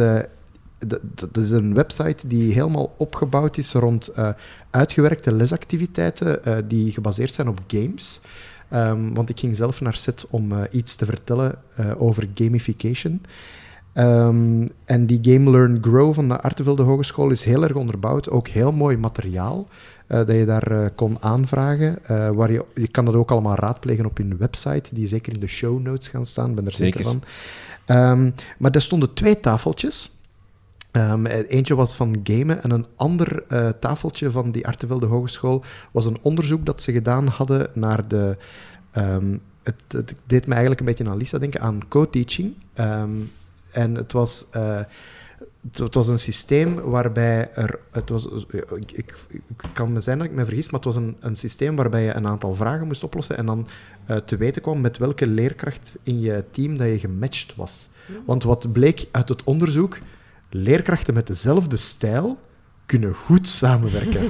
Van een uh, diepgravend onderzoek. Nee, het bleek dus dat als je dan zo'n dingen wilde doen, dat dat effectief alleen maar kan uh, met mensen die matchen. Maar die hadden er ook een systeem voor bedacht om te weten te komen um, hoe dat je op elkaar kon matchen. Want dat dat niet altijd zo duidelijk is dat, dat die leerkracht met die zou kunnen samenwerken. Hè? Want ik kijk nu naar mezelf als voorbeeld. Het is niet omdat ik een trotse geek ben dat ik per se een andere geek nodig heb om mee te kunnen samenwerken. Maar ik zie Lisa al de hele tijd knikken, dus u wilt ook iets zeggen. Nee, nee, ja. Ik, ik denk dat, dat er inderdaad wel een aantal dingen zijn die nodig zijn om te kunnen matchen. Ik denk dat onderwijsvisie wel handig is als je zo'n beetje dezelfde visie hebt over wat goed onderwijs is. Maar wat ik ook altijd zeg is... Uh, op dit moment zijn de beste teams bij ons op school die co-teachen de teams waar mensen het verschillen van elkaar Ja. Ehm, Op talenten, allee, daar, daarmee wil ik zeggen bijvoorbeeld, ehm, ons team heeft een, eh, een leerkracht techniek, een leerkracht Nederlands, een leerkracht geschiedenis en een leerkracht PO. Ehm, dus dat is wel fijn. Maar eh, zeker ook op vlak van, allee, bijvoorbeeld, puur het instructie geven, het effectief instructie geven, ben ik niet zo heel goed in. Maar mijn collega is er heel goed in. Ehm, en, en dus is dat wel handig om, om op die manier van elkaar te leren en op die manier gebruik te maken van elkaars talenten. Ehm, maar ik weet niet, ik ken het onderzoek zelf niet. Ik weet niet of het daarover het, gaat. het heet eh, lift, eh, als ik me niet vergis, maar het was een letterwoord en het stond ergens voor. Ik ga het opzoeken thuis, eh Rinke, Mm. want ik heb de papieren thuis liggen en ik stuur het door. Oké. Eh, maar het was, het was op zich wel een, eh, een interessante insteek, want ze hadden daar ook dan allemaal kaartjes voor gemaakt. En, eh, het was wel een onderzoek dat eh, halverwege ergens gestopt was, want er waren niet voldoende middelen om het eh, verder te zetten. Mhm. Dus, maar het was zeker wel interessant. Ah, ik weet terug ook wat het derde was. Ehm, de mensen van de edu-boxen stonden daar ook. hè. dat zijn zo de sandboxen van VRT. Ze hebben nu een nieuwe uit over artificiële intelligentie. Ehm, dat zijn trouwens hele leuke eh doedozen. Eh, ze hebben er een over fake news. Er is nu een, eh, een nieuwe oplage. Dus als u zich haast naar mediawijs.be en zich inschrijft voor eh, de EduBox over fake news, dan maakt u kans om ook eentje toegestuurd te krijgen, want ze hebben daar een aantal nieuwe gedrukt. Die van artificiële intelligentie is nog beschikbaar. En eigenlijk, er zijn er vier in totaal, of vijf al zelfs, denk ik. Maar ze zijn allemaal ook digitaal te raadplegen. Dus je hebt het dan niet lijfelijk vast, maar je hebt dan wel het materiaal. En dat zijn superleuke dingen. Eigenlijk heel vakoverschrijdend ook. En heel mooi uitgewerkt materiaal. Daar ben ik altijd Hm. heel blij om. Jij doet wel meer zo naar zo'n onderwijsbeurs gaan. En je hebt ook nog EduNext en de Ja. ICT-dag, waar we trouwens een live podcast doen met Buiten de Krijtlijnen. Allemaal inschrijven. 7 februari of 2? Ja, ergens in Ergens februari. een maandag, ja. alles. Ergens een maandag in februari, de eerste of de tweede.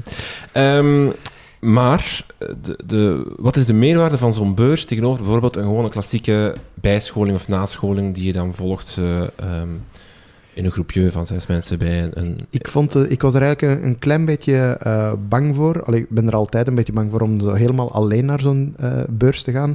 Maar misschien luisteren ze. Ik, ik ben gesukkeld aan een tafeltje met drie collega's uit Lier. En ik heb hen vriendelijk gevraagd of ik daarbij mocht zitten. En dat was weer een van de meest interessante babbels die ik had die dag. Het blijft nog maar eens, hè, zo'n beurs, dat zijn eh, plaatsen waar dat je met mensen kunt gaan praten en waar mensen naar elkaar luisteren en met heel kleine dingen u inspi- kunnen inspireren, veel meer dan soms een eh, nascholing van drie uur, Hm. eh, waar je u meer informeel contact. Ja, eigenlijk. die informele contacten, dat, vind dat, dat is zo belangrijk. Ja. Ehm, of, of zo van die nascholingen Ja, waar je is ergert aan de PowerPoint, eh, dat, ja, Ja. waar je eigenlijk al niet meer luistert naar de inhoud. Dus het was op zich wel, de setbeurs was op dat vlak voor mij zeker een, eh, een groot succes. Het was er wel heel druk. Eh, de lokalen die ze voorzien hadden, bijvoorbeeld voor de sessie die ik ook eh, gegeven heb, dat waren eigenlijk gewoon drie muren met, zonder plafond. Eh, het viel daar wel mee qua geluid. Ik ga kijken naar Josephine, want die Ja. zat in het publiek. Eh, ik had een microfoon vast en ik had een groot scherm ter beschikking.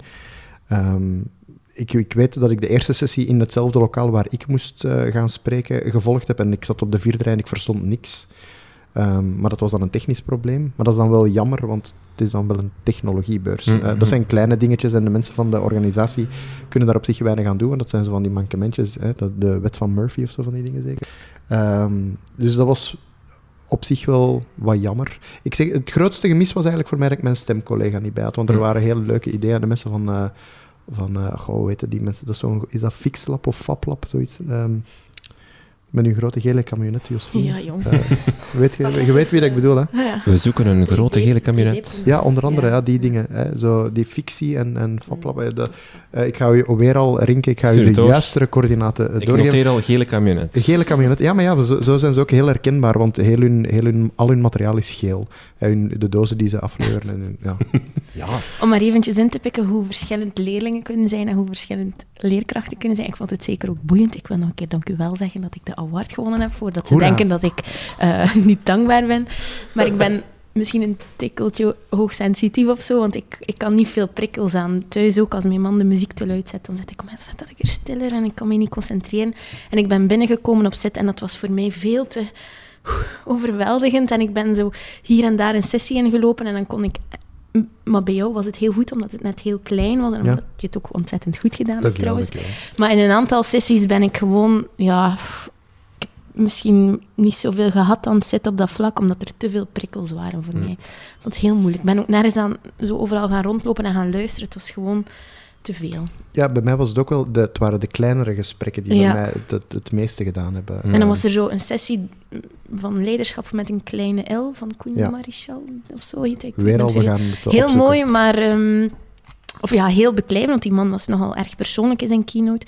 Maar eh, dan hoorde ik plotseling muziek op de achtergrond van ergens een andere sessie en... pff, dat werkt niet voor mij. Is het een eh, jaarlijks terugkerend eh, Ja, blijkbaar Ja, wel, gebeuren? Ze, ze Ja. komen volgend En jaar Edu terug, ja. Next Festival bestaat dat niet meer? Is Jawel, dat jawel, want die mensen hadden een stand eh Ah ja. Ik dacht dat... ja, maar het was nu wel in samenwerking met EduNext. Ja. Komt er nog een Edu Next Festival? in- maar het is volgens in- mij, de mensen achter ICT-dag eh, zitten Ja. ook achter Ja. set, dus eh, het is een kleine poelen waar samenwerking. uitvissen. Ja. Maar EduNext bijvoorbeeld, vorig jaar geweest, en dat was voor mij beter, omdat daar minder dat commerciële leuk Hm. was. En dat was in afgesloten ruimtes en ik kon me veel beter focussen.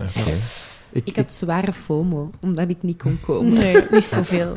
Nee, het was... Want ja, bijvoorbeeld, er waren zes verschillende standen over digitale borden. Ja. Ja. En smartboard Waar we daar. geen geld voor hebben. Ja, wij wel. Wij ook. Maar ik weet het niet allemaal. Nee, ja. Maar, allee, en er inderdaad, ja... De, maar daar, ik heb daar als leerkracht niks aan. Daar moet mijn ICT-coördinator naartoe, of mijn directie of zo. Mhm. Ja. Terwijl wij net hebben geïnvesteerd in, eh, in al die dingen. Dus eh, veel nieuws was daar niet. Ehm, en, en dan nog, hè, de gele, we gaan ze de gele kabinet noemen. Hè. De gele kabinet is dan voor mij de, de, de, de vernieuwende, want die, die spraken mij al- als niet-wetenschapsleerkracht spraken die mij het meeste aan.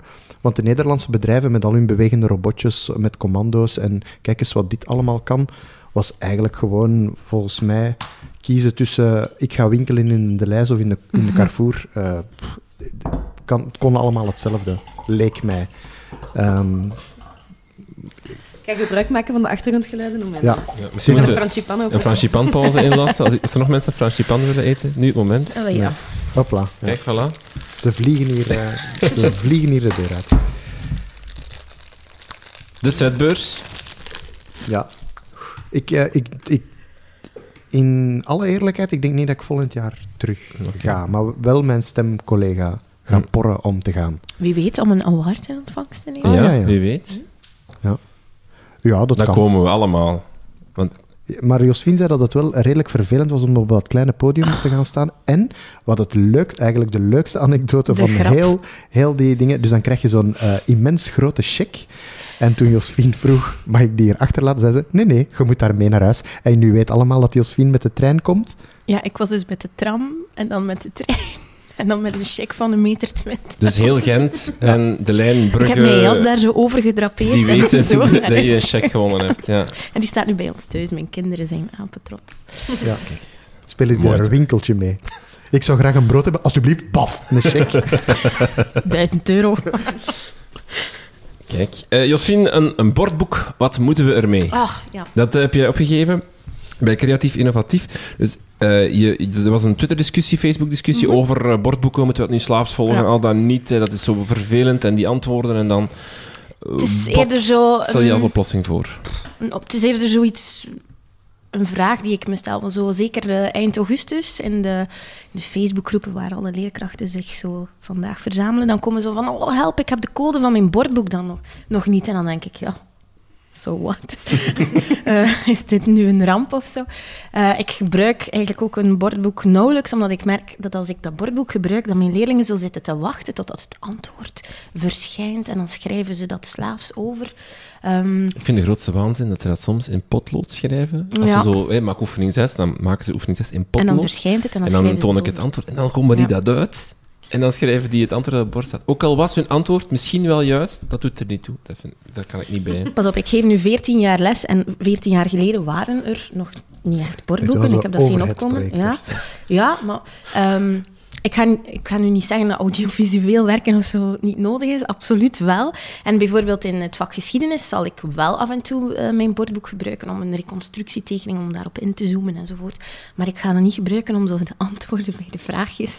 Want ik merk dat dat er eigenlijk voor zorgt dat, die, dat mijn leerlingen niet goed weten hoe ze notities moeten nemen. En ik geef nu ook les na heel lang, uh, een, een, lange onderbreking opnieuw in, uh, de tweede graad, in de vierde. En dan merk ik toch dat daar heel wat uh, moeilijkheden zijn bij de leerling om eens een schema te maken, zonder dat dat zo kant en klaar um, ja, wordt geprojecteerd. Dus ik stel mij een beetje de vraag of dat we als leerkrachten niet kritischer moeten zijn uh, over welke impact dat bordboek heeft op uh, de didactiek van onze les. Mm -hmm. Zeker als, als uw antwoord nee het allee, een woordje is. Hè? Als je ja. zo samen met leerlingen gaat brainstormen... Ik heb bijvoorbeeld die fake news les onlangs gegeven, maar wel de digitale versie. Uh, en, dan, en dan ga je samen met je leerlingen nagaan van bijvoorbeeld... Hoe kan je fake news herkennen? En dan kijk je naar een filmpje en dan zegt een leerling een antwoord. En dan is dat voor mij belangrijk in dat proces om dat antwoord op het bord te schrijven en niet per se de, de formulering die ik of het bordboek op voorhand in gedachten had. Want inderdaad, dat is allemaal deel van het proces. We praten daarover en dan gaan we daar een schriftelijke weergave van in ons boek schrijven. Dus ik gebruik dat eigenlijk ook amper. Maar ik denk dat dat iets is waardoor... We zeggen soms dat, dat te veel leerkrachten te slaafs het handboek volgen. En pas op, alle respect voor leerkrachten die heel veel nood hebben, ook aan de leidraad, echt waar. Um, maar zijn die bordboeken niet gevaarlijk om, om, om ook de nieuwe jonge leerkrachten... Allez, voeden we ze daarmee niet op zo? Mm. Precies, want als de stagiair bij mij komt, heel vaak zie ik dat ook, dat dat bordboek daar dan zo helemaal dominant is. En mm. ik vind dat eigenlijk niet zo Krijgen ze dat niet mee uit de opleiding ook niet een beetje? Ah, wel, dat is dus mijn vraag. Moeten we daar niet een beetje van bordboeken af? moeten gebruiken, wat ze meekrijgen? Ja, ik, nee, maar het is, het is wel zo. Hè. Ik bedoel, uh, dat is inderdaad... Uh, het is eigenlijk al lang geleden dat ik nog een stagiair had. Misschien wil dat ook iets zeggen. um, maar, um, nee, maar ik ben ook wel iemand die, bijvoorbeeld voor Engels, als het dan gaat over de present continuous of weet ik veel wat, die invuldingen, die laat ik dan wel zien. Ik heb dan ook al gemerkt, er staan dan vaak foutjes ook in dat bordboek. En die kinderen worden helemaal gek. Van, ja, maar meneer, u had toch gezegd dat? Ik zeg, ja jongens, maar dit is fout. En dan moet ik dat daar dan weer uithalen en zo verder. Uh, maar ik gebruik het wel als, uh, als ik dan toch mijn, de structuur van mijn werkboek gebruik, gebruik ik het wel om mijn les te leiden. Maar ik laat ook zeker die meningsvragen, want dat, slaat vaak nergens op. Uh, of dat zo één generische, generisch antwoord, dat hoeft voor mij niet. Maar ja, ik vraag me wel af, als een stagiair komt, dan vraag je die toch van, en is er een bordboek en hoe kan ik dat dan gebruiken? Het is niet omdat er een digitaal bord is, dat we alleen maar bordboeken moeten projecteren. Moet het een NN-verhaal zijn dan? Ja, ik denk het wel. Iemand had ook trouwens in... Uh, of was het op Twitter, of was het in... Ja, ik weet het niet. Maar hij zegt dat het in het basisonderwijs wel een beetje anders is misschien. Dus misschien moet ik daar eens gaan uh, observeren Op welke manier anders? Ja, blijkbaar ja, toch wel in, interactiever gebruikt wordt of zo. Ja, ik zou eens moeten zien welke tweet dat, dat juist Dat vind ik wel als een bordboeken, dat is dat ja. je daar je, je, kan daar dan de antwoorden mee laten zien, je kan ermee inzoomen, je kan er de geluidsfragmentjes mee tonen, maar dat is het dat dan. Is het, dan, voilà. ja, ik mis dan bijvoorbeeld zo'n integratie van Classroom Screen bijvoorbeeld, dat, ja. dat, zodat je daar een timertje kan bijhalen, een notitieboekje, um, um, dat soort dingen mis ik wel heel vaak. Of iets interactief, maar misschien komt dat er nog aan, iets interactief, een exit-ticket, misschien. Ja. Allee, als ja, maar dan, dat, dat is het maar ding, dan heb je weer de... zoveel platformen, ja, maar uitgeverijen blijven daar een beetje, of laten ons op onze honger zitten. Ja. We hebben het er vorige keer ook over gehad. Hè. Hoe kan je nu in godsnaam een les media geven met de geboorte van Kaimoek.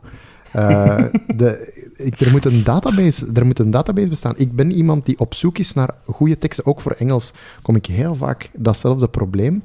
Van, oké, ik, ik wil een goede leestekst, maar ik wil geen tekst die nog niet spreekt over Boris Johnson, want daar, dat is de naam die iedereen nu hoort. Ik wil juist dat mijn leerlingen dat wel weten. Ik heb zo'n aantal websites waar ik weet dat ik terecht kan. Maar ik wil meer dan één tekst per maand kunnen gebruiken. Uh, ik wil ook kunnen differentiëren, dus ik wil dat in verschillende niveaus. Uh, waarom is er geen enkele uitgeverij die oor heeft naar... We, maken, we zorgen voor een redactie, we zorgen voor mensen die daar zelf teksten voor schrijven, dus nooit. Maar ja. dat, dat, kan toch niet anders dan verkopen? Nee? Zo'n? Zeker, ja. Netflix voor bordboeken of zo. ja, bordboeken, net zoals alles, is een methodiek. Hè, om ja, te gaan nagaan. Wat is mijn doel? En wordt mijn doel bereikt door dat bordboek, ja of nee? Voilà. Hopla. Kijk, voilà. Jeroen, je hebt, eh, of, of heb je het boek al eh, van Lies Vermand, dat eh, heb je eh, gekocht? Allee, of, of gekregen, of, of gekocht, of ik heb, gevonden? wel, ik heb de proefdruk in handen gehad, dus ik heb het helemaal doorgenomen. Eh, Level Up. heet Level het. Up heette, ja. Lies Vermand. Eh, trouwens, voor de mensen die langs de boekenbeurs gaan, ze zit daar ook een aantal dagen eh, eh, promo te maken. Eh, Level Up is een boek over eh, games in de klas.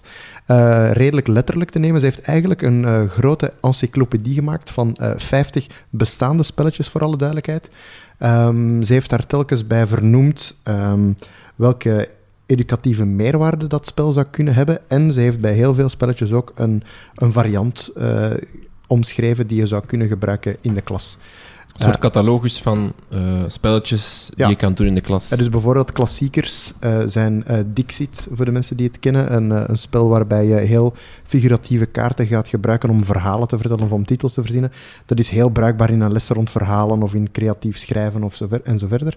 Ehm, een ander eh, populair spelletje dat er bijvoorbeeld ook in staat is Jungle Speed, waarbij je kaartjes moet omdraaien en in het midden van de tafel staat er een totem. En als er twee dezelfde kaartjes eh, omgedraaid worden, moet je zo snel mogelijk die, eh, proberen om die totem te grijpen. Zij maakt daarvan wat als je in plaats van de figuren die erbij, zit, die erbij zitten, kaartjes gaat maken met thema's uit je les. Eh, heel flauw voorbeeld, Tweede Wereldoorlog. Je hebt kaartjes als Hitler en eh, fascisme en andere dingen. Dus als Hitler en fascisme tegelijk worden omgedraaid, moet je de totem grijpen in plaats van er liggen twee rode cirkels op tafel. Mm. Ehm, dat is eigenlijk een beetje het idee dat ze geeft. Ze heeft daar eh, veel meer dan dat ik dat doe, als ik het over gamification heb, ook de theoretische achter, achtergrond bij vermeld. Het is een, het is een leuk boek. In alle eerlijkheid voor mij niet zo nieuw. Ehm, maar dat is ook, dat is, ja, ik denk dat ik Dat mezelf dan een expert noem. Ja, ja. Eh, maar het is sowieso, het, en, het is ehm, en, en lager onderwijs en secundair onderwijs. Het is Leuk. zeker niet, het is ook kleuteronderwijs trouwens. Ehm, er zitten zoveel, zoveel eh, waardevolle dingen in. Eh, dus het is een mooi vormgegeven boek, ook met eh, hele mooie illustraties trouwens, eh, want de illustrator verdient ook credits. Ehm, ja, zeker een aanrader. Eh, zeker als je niet thuis bent in heel die gamewereld, eh, echt een heel handig hulpmiddel om te vertrekken. Al is het maar om op je school toch minstens één exemplaar te hebben. We hebben sinds vorige week een, eh, een boekenplank voor boeken voor leerkrachten in onze leraarskamer. Level Ik up. zet het op het lijstje. Vermand. Ehm, dan eh, de babbelkaartjes. Teamteaching, Lisa. Je hebt ze zelfs bij. Ik heb ze bij. Ik denk dat ze te maken hebben met wat jij daar straks zei. Want het is ook van de Artevelde Hogeschool. Dus het zou, Zou van dezelfde ja. werkgroep zijn. Ehm, heel leuk. Eh, kaartjes om te gebruiken met jouw teamteachers. ehm, om te reflecteren over je manier van lesgeven. En ehm, je hebt blauwe en je hebt eh, roze kaartjes. En de, de roze kaartjes zijn eh, voor als je al een tijdje aan het samenwerken bent. En de blauwe kaartjes zijn voor als je binnenkort gaat teamteachen. En het idee daarachter is dat dat eigenlijk gespreksonderwerpen eh, op zich, eh, gespreksonderwerpen aan, ehm, aanbrengen eh, voor mensen die gaan teamteachen. Dus bijvoorbeeld, ik zou kunnen zeggen, bij elke vergadering, stel wij zijn een teamteach-groepje, Oké. zou ik een kaartje kunnen trekken. Bijvoorbeeld, ah, ik ga er nu gewoon uit random eentje trekken. Wat? Het gaat over visie. Oei. Teamteaching is volgens mij, puntje, puntje, puntje, vul deze stelling aan en vergelijk je antwoord met dat van je partner. Oké, Jeroen, jij begint. Ah, is, is van Oké, en dan daar kan je een vergadering mee beginnen om even Ja, af te toetsen, te, te, te ja. checken waar staan we allemaal op deze... En wat ik daar fijn aan vind, is dat gaat over visie, maar dat gaat zeker ook over heel praktisch. Bijvoorbeeld ehm, teamteaching, dat vraagt wel een zekere vorm van samenwerking, eh, allee, of overleg. Dus dat gaat echt toch praktisch over, eh, hebben wij overleguren, hebben wij, ehm, hebben wij de middelen enzovoort. Eh, en wat ik er fijn aan vind, is, is het hele idee van zo, ah, als je vergadert, dan kan je soms echt blind staren op zo, straks moeten we samen lesgeven en wat gaan we straks doen en hoe gaan we dat aanpakken. Maar dat zo, zet even een stap terug en hebben het nog eens even samen over waarom doen we dit eigenlijk en hoe verloopt alles. Dus, Praktische vraag, waar kunnen we ze te pakken ehm, krijgen? Op de website van uh, arteveldhogeschool.be slash teamteaching. Oké. Ehm, het, het ding is wel, ze zijn in Gent, dus je moet ze zelf gaan halen of je moet ze per vier bestellen. Ja, een 7 euro verzend kost of zoiets, denk ik, als ik het juist gezien heb. Dus ik heb Of er vier, het- dus je kan er van mij eentje Of ik kopen. misschien. Ah, Ik weet niet of dat voilà. mag. Kijk, voilà, dat kan ook. Ja. Dealers. Kijk, maar de link staat in de show notes om eh, eentje aan te kopen, Ja. Dat is hier een moderne podcast. Ongelooflijk, ongelooflijk. Eh, de webshop beginnen eigenlijk. De webshop, ja. Nieuwsbrieven, webshops, ja, het komt allemaal goed. De laatste categorie van de dag, de help-categorie. Ook hier zoeken we nog een betere naam voor. Eh, we hebben, ik heb ook eens eens gevraagd op Twitter of er problemen waren. En eh, Nicolas uh, Verwimp had uh, twee vraagjes. Eentje is misschien wel interessant. Hoe zorgen scholen en leerkrachten ervoor dat overlegmomenten, vergaderingen en dergelijke, efficiënt en vlot verlopen? Josephine, jij hebt direct gereageerd. Hier kan ik uren over doorgaan. Laat u horen. Ja, maar dan in zo het feit dat het niet zo efficiënt ah, gebeurt. Dan, dan kan ik meedoen. Dan ja. kan ik meedoen. Ja, ja, absoluut. Het was uh, niet dat ik de tips had. Kijk, bij ons op de boekenplank in de lerarenkamer staat er ook uh, een boek van vergadertechnieken. Koop, wat door coöperatieve vergaderwerkvormen. ik merk dat dat niet echt uh, van de plank geplukt wordt. Misschien moet ik dat wat meer doen. Nu, ik heb het, jullie weten dat ik was ook twee jaar redacteur bij Klasse en zij besefte dat zo niet goed, dat dat voor mij nogal een cultuurshock was. Um, maar ik heb daar ongelooflijk veel geleerd qua efficiënt vergaderen. Een vergadering duurt een uur maxima, uh, maximum en we gaan daar niet over, want als wij daarover gaan, zijn we eigenlijk toch niet meer efficiënt aan het vergaderen. Ook altijd heel duidelijk, um, de juiste mensen, ja, die drie mensen moet ik op mijn vergadering hebben. Um, duidelijke werkvormen, dit zijn de doelen. Als, en dan ook achteraf met een takenlijstje van wie moet hier nu wat doen op het einde. En dan merk ik dat dat op school ah, toch altijd... Maar ja, dat is echt geen sneer, want ik behoor ook tot het decor en de cultuur. Mhm. Maar dat loopt allemaal zo chaotisch en, en, en we zitten te vergaderen en we komen nooit tot duidelijke dingen en we vergaderen en we vergaderen nog eens en dan Verga- nog eens en dan zijn we er nog niet uit. En dat is zoveel verloren tijd. Ja, en, en efficiënt en, en met, de, met de verkeerde mensen soms rond de tafel. En, De slechtste voorbeelden van vergaderingen zijn bij Zijn onze er- personeelsvergaderingen. oh ja, toch? bijvoorbeeld. En daar Ja. wordt dan op gezegd, zo zou je beter moeten vergaderen. Ja, Pure informatieoverdracht. Ja. Ik heb, in mijn vorige school was de personeelsvergadering omgevormd tot een personeelsverzameling. Omdat het heel duidelijk was dat het geen vergadering meer was, maar gewoon een verzameling. En dan inderdaad de directie of coördinator X die dan gewoon info doorgaf. Dus het woord was toch al Die aangepast. we om- eigenlijk gewoon allemaal zouden kunnen lezen, in onze e-mail. ja, in onze e-mail. Ik eh, sprak met ehm, Tom Cox, de directeur van eh Kindheid Jezu in Hasselt, eh, voor een, een podcast die nog later uitkomt. En die eh, had in het begin van het schooljaar een videoboodschap opgenomen als eerste personeelsvergadering. Omdat het toch allemaal inderdaad gewoon info was die overgedragen moest worden. En omdat hij wist van, ja, mijn leerkrachten zijn nu vol een bak bezig, want het is modernisering. Dus ik ga het gewoon opnemen en kijk daarnaar, eh, terwijl je je patat aan het schillen bent. Stond er een kerstboom in de achtergrond, zoals Dat bij de weet ik, heb koning? het niet gezien, maar ik vond het wel een, een, een leuk opzet van een Ja, directeur absoluut. die zijn personeel eh wil sparen met nog eens allemaal samen Pas drie op, ik denk lang. dat directeurs ook zo weinig tijd hebben om alles goed uit te Ja. werken. Ze hebben gewoon ook te veel werk voor binnen, binnen hun uren. Ehm, maar een, voor mij zou een personeelsvergadering zo, zeker eind augustus bijvoorbeeld, als ik daar buiten loop, zou ik zo van, yes, laten we eraan beginnen, een nieuw schooljaar. Nog nooit meegemaakt. En dan loop ik buiten en dan is ze van, oh my god.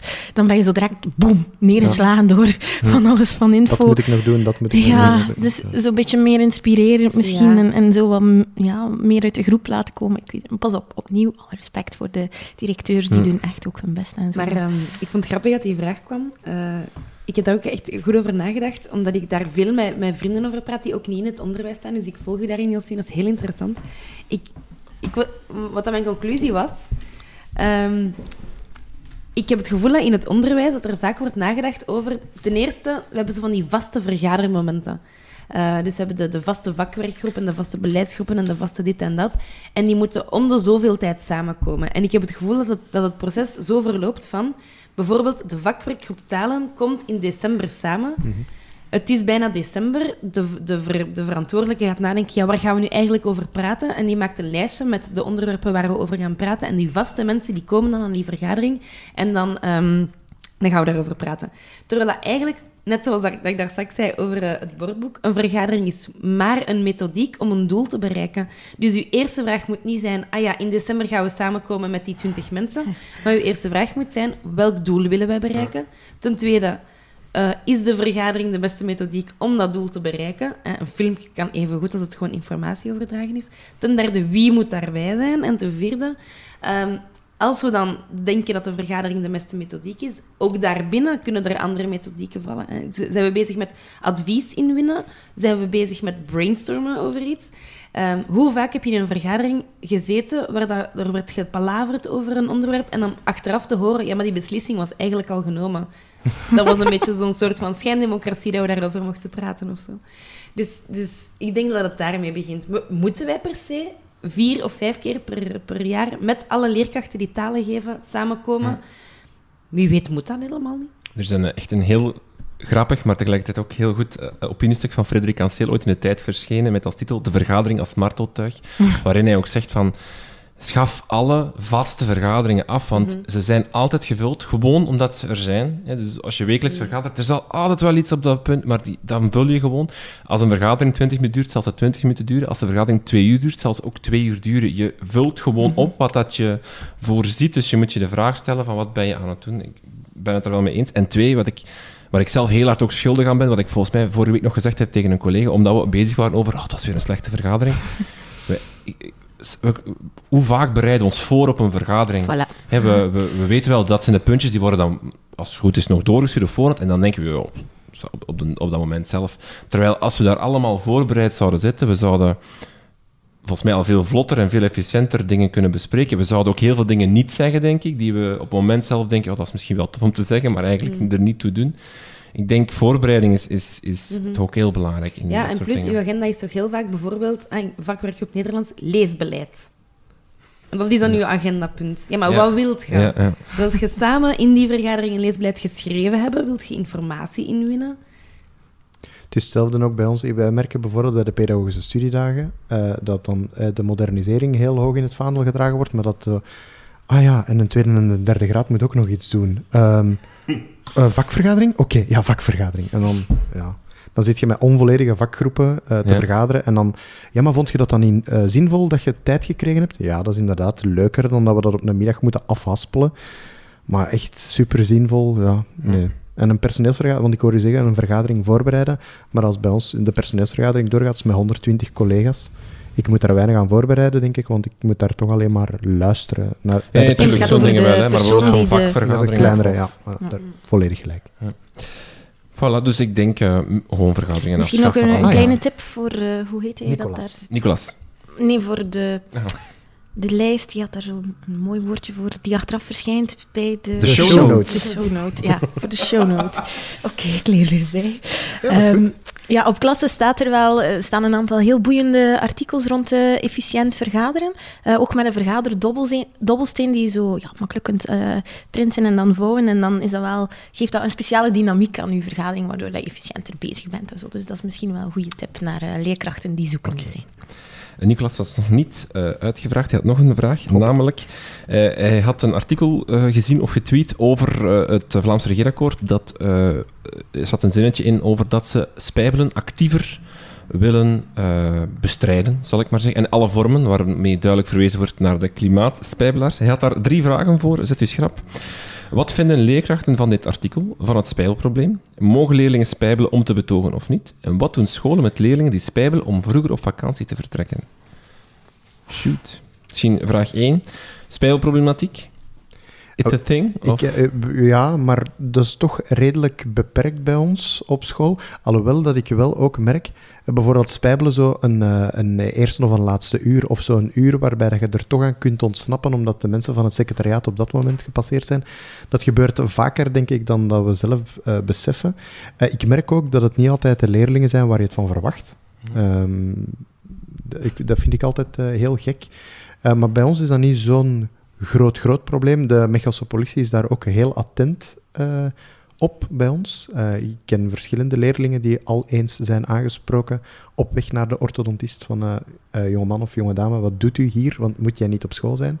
Dus ik denk dat, dat ik daar met een luxe probleem zit of zo. Ik denk dat ik daar weinig kan over zeggen. Maar in Brussel, hè. Ja, we kijken allemaal naar Brussel. Het is misschien niet zo goed van ons, al die vooroordelen, Vooral maar... voor de, voor de luisteraars. Op dit moment zit ik tegenover drie mensen die alle drie nu naar mij kijken. Eh, ja, ja, bij ons wordt er wel gespijbeld. Ja, ehm, het is heel moeilijk om daar een kort antwoord op te geven. Hè, want dat is, dat is wel een heel moeilijke problematiek. Maar ik denk dat dat inderdaad heel hard helpt als je daar met z'n allen... eh, hoe, hoe heet dat gezegde? You raise a child with a village of zoiets. It Ja, takes a village to raise Ja. a child. dus inderdaad, de politie moet daarachter staan. Hè. De, de ouders, de leerkrachten, het CLB, de leerlingbegeleider. Ehm, niet alleen straffen, maar ook zeker nagaan wat zit daarachter eh en hoe kunnen we begeleiden. Ehm, ja. Over de klimaatspijbelaars, moeten we daar iets over kwijt? Of Kunnen we dat... Wel, eh, we hebben het vorige, we hebben Ja. het vorige keer ook over het klimaat gehad. Ik ben daar actief mee bezig. Ehm, ik heb daar op zich geen problemen mee dat leerlingen zich willen engageren. Ik bedoel, ik vind dat, ik vind dat zelfs tof. Ik heb het eigenlijk moeilijker met uw derde vraag. Alleen niet met uw derde vraag, maar die mensen die een dag vroeger op vakantie vertrekken, daar heb ik het veel moeilijker mee dan leerlingen die effectief geëngageerd gaan Ja. betogen voor het klimaat. En met die mensen heb je het moeilijk dat ze dat doen. Ja, ik, vind, Ja. eh, ik, ja, ik heb het daar moeilijk mee. Ja. Ja. Ik ook. En met doktersbriefjes, waar dat je van weet dat dat geen echte doktersbriefjes zijn. Ik, ik volg dat, maar ik heb ook wel zoiets van... Voorzie dan... En dan Ja, als ik denk bij ons op school, bij, bij wij, de laatste week moeten de leerlingen niets meer komen doen. Nog, misschien de maandag nog een examen en dan vrijdag een rapport. Dus die Ja. daartussen, niets meer nuttig. Ik weet niet wat in de lagere school is, daar durf ik me niet over uitspreken. Maar ik heb wel heel vaak de vraag van, ja, wat zitten we hier die laatste week nog kin, allee, te Ja, doen? Wij moeten, Bij kerst moeten wij ook een woensdag voormiddag vullen, want anders komen we niet aan onze Ja. aantal... Mhm. en we mogen niet zoveel dagen verlof gebruiken. Dan denk ik- evaluatiedagen. ja, voilà. Ja. Dan denk ik, wat zijn we aan het doen? En dat was ik toch ook een beetje aan het denken. Ja, als, soms moeten ze dan twee uur komen. Ja, dat is dan een uurtje met de titularis. En dan moet je nog iets zinvol vinden. Ehm, ja, terwijl voor ouders kan dat soms eh, honderden euro's opleveren, denk ik, om Ja. die vrijdag al dat begrijp prijs ik te... ook, hoor, dat argument. Dus ik, ja, ik zou het zelf als ouder niet Mhm. doen. Maar ik vind het moeilijk om erover te oordelen. We we hebben bijvoorbeeld ook een internaat. Ehm, ik heb leerlingen uit Aarle. Ik weet niet of je dat weet liggen, maar dat is keiver. Ja. Eh, met de trein zeker? echt, ja, ja, dat is echt het, eh, het zuiden van België. Maar dat zijn leerlingen die dus effectief eh, maandagochtend en vrijdagavond richting Aarle moeten. Dat is een treinreis van meer dan drie uur. Als die effectief maandag hun laatste examen gehad hebben en die vrijdag niet per se om hun rapport komen, daar kun je weinig, ah, kun je weinig tegen inbrengen. hè. Ik bedoel, dat is nog Mhm. iets helemaal anders. Ehm, en inderdaad, het einde van het schooljaar vind ik nog iets anders. Maar er zijn toch ook leerlingen Ja, ja. Die, eh, die met Pasen of, of eh, op die momenten gaan. Ik herinner mij de paasevocatie bij, toen ik in het secundair zat. En wij moesten toen ook naar school komen en we gingen dan schaatsen met de derde jaren. En wat was het allemaal? Of dan hadden we nog een film of zo. Eh, dat is, ja, dat is vervelend en raar, maar... eh, ja, ik heb ook niet het gevoel dat er consequenties aan ko- Hm. van komen. Hè. Ja. Het is niet omdat je een dag vroeger op eh, verlof vertrekt dat je ineens eh, je diploma moet inleveren. Eh, het zal maar erg zijn ook, maar ja, weet niet, Ik misschien denk is dat het het rare- systeem gewoon een beetje Ja. raar in elkaar zit. Oké. Lisa, je hebt nog een vacature. Ja, Je zoekt nog iemand. Ja, je moet dus eh, echt misbruik maken van dit medium. Maar ik ga het wel interessant maken, ehm, want ik heb mij ge- legale voordelen. gebaseerd op uw vorige twee podcasts. Dus op eh, Teach for Belgium en eh, het interview met, ik ben zijn naam vergeten, directeur van de Stroom. Willem Schoors. Ja. Eh, dus, wij zitten op dit, op dit moment met een heel vervelende situatie dat een collega vrijdag voor de herfstvakantie gezegd heeft, ik kom niet meer terug. Ehm, en ik vind dat inderdaad zo vreemd om te merken dat zoveel scholen met een gigantisch lerarentekort zitten. En inderdaad, zoals Josfien zei daar straks, en dan eender wie die zich dan komt melden, is goed genoeg om dan die uurtjes te vullen. Terwijl er van die projecten zijn die heel veel vragen van hun beginnende leerkrachten, die een zwaar engagement vragen, ehm, zonder tekort te zitten. Dus ik dacht, kijk, de vacature is drie uur PAV geven in drie BSO in co-teaching. Dat is niet veel, drie uur. Maar in plaats van te zeggen, please, eender wie, kom naar onze school, ga ik het zo doen. Het wordt niet gemakkelijk. Ons leerlingenpubliek is niet gemakkelijk. Wij vragen een zeker engagement voor u, van u. Ehm, niet per se een engagement van veel voorbereiding en heel veel evalueren, maar wel, je moet, je moet wel sterk in je schoenen staan. Maar je zit wel in een school dat, die bezig is met innovatief leren, met effectief onderwijs. We zijn heel hard aan het nadenken. We zijn heel hard aan het vallen en opstaan. Dus we vragen iemand die verkrachtig is, flexibel is, een samenwerker is. Ehm, idealiter iemand die bijvoorbeeld al een tijdje eh, onderzoek doet en die graag nog eens voor drie uurtjes met zijn voeten in de praktijk wilt gaan staan.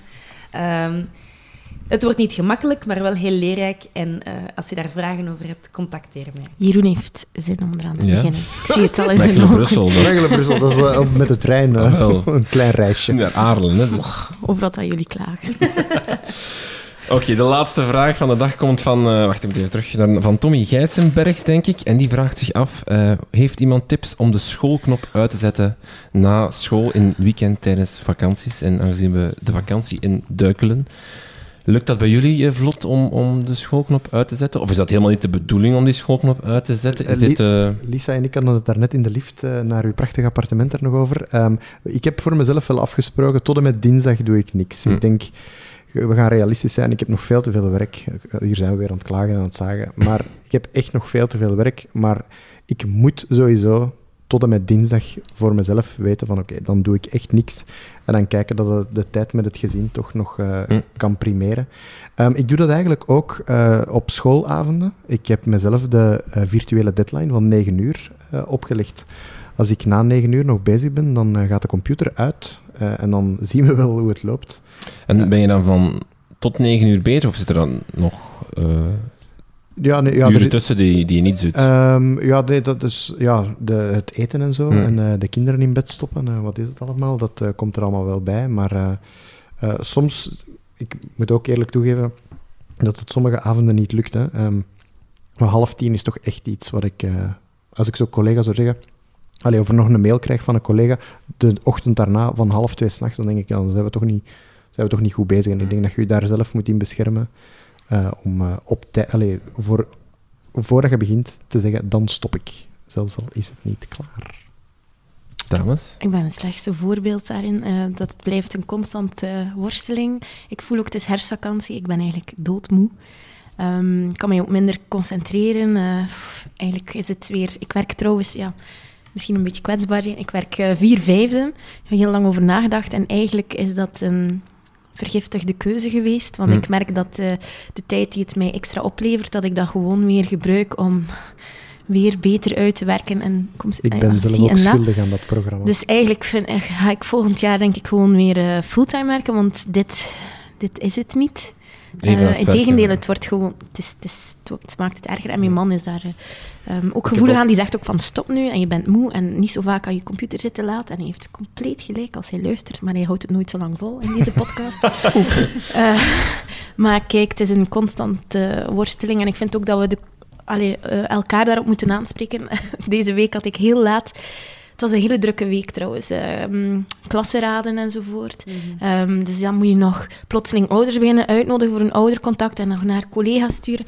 En ik had om kwart voor elf een berichtje gestuurd, maar ik dacht, ik wil dit nu gedaan hebben. En dan had ik gezien dat een andere collega, waarvan ik wist dat die heel een heel goede, toffe les in elkaar had gestoken, maar veel te laat was gaan slapen. En dan had hij weer dat berichtje van mij gelezen om 11 uur. En dan heb ik toch gezegd van, het was niet oké dat ik dat bericht gestuurd had en dat jij het nog gelezen hebt. Dus ik denk dat we ook voor elkaar, je zei daarnet, dat, dat je moet zorgen voor jezelf, maar ik vind ook dat we een verantwoordelijkheid hebben Ja. ten opzichte van geen elkaar. statussymbool zijn Nee. om om 11 uur nog nee. Het is niet oké om te zeggen, ah ja, en als je naar die stuurt om Nee. 10 uur, dan krijg je nog antwoord. Nee. Eigenlijk is dat helemaal verkeerd. Ja. Ja, maar die vier vijfde, dat herken ik. Ik ben vrijdag, eh, eh, dat is mijn lesvrije dag. Eh, maar ik heb eh, daar straks nog onder mijn voeten gekregen dat ik die dag effectief gebruik om van Ja. 8 uur s morgens tot 9 uur s avonds te werken. Zodat mijn werk door de week minder is en dat mijn weekends vrij zijn voor het gezin. Maar eh, eigenlijk klopt dat niet, want het is een, een verlofdag. Ik denk dat het ook eigen is aan de job. Er, die, is, die is niet echt begrensd. Het kan altijd anders en het kan altijd beter. En we worden daar ook niet goed in, in begeleid. Allee, Nee. ik- op, er is geen HR op school. En, pff, ik vind, ik vind het een hele moeilijke vraag. En ik ben zelf zoekende. Maar ja, dus eh, Tommy, gewoon eh, de knop afzetten. Ja, ontspannen. Zo En- gemakkelijk is dat. En misschien niet gewoon- luisteren naar deze podcast. En misschien zoals je zegt, wel, inderdaad, dat concreet maakt. We zeggen tot dinsdag, Ja. niets. En dan daarna, dat je ook weet van, daarna mag het wel. Hè, de- Ja, dat is voor En mij ook, dat is voor mij ook ja. haalbaar. Ik bedoel, Ja. ik, ik weet dat ik... Ik heb eigenlijk langer nodig, hoor. Maar ik weet dat ik toch nog zoveel werk heb dat ik dat werk eigenlijk ga moeten verdelen over een aantal dagen. Maar ik moet mezelf opleggen, tot en met dinsdag doe ik daar Mhm. niks aan. Mhm. Hm. Bij mij gaat dat alleen door effectief weg te gaan. Door echt te zeggen, ik pak mijn biezen en ik ben weg. Niet per se op vakantie, hè, maar zo Mhm. mijn appartement uitgaan, dat ik die, die bureau niet meer zie staan. En dan doe ik uitstapjes, wandelingen. Oké, Dus zeker doen. alright. Ik wens jullie in ieder geval een, een deugdende vakantie tot en met dinsdag.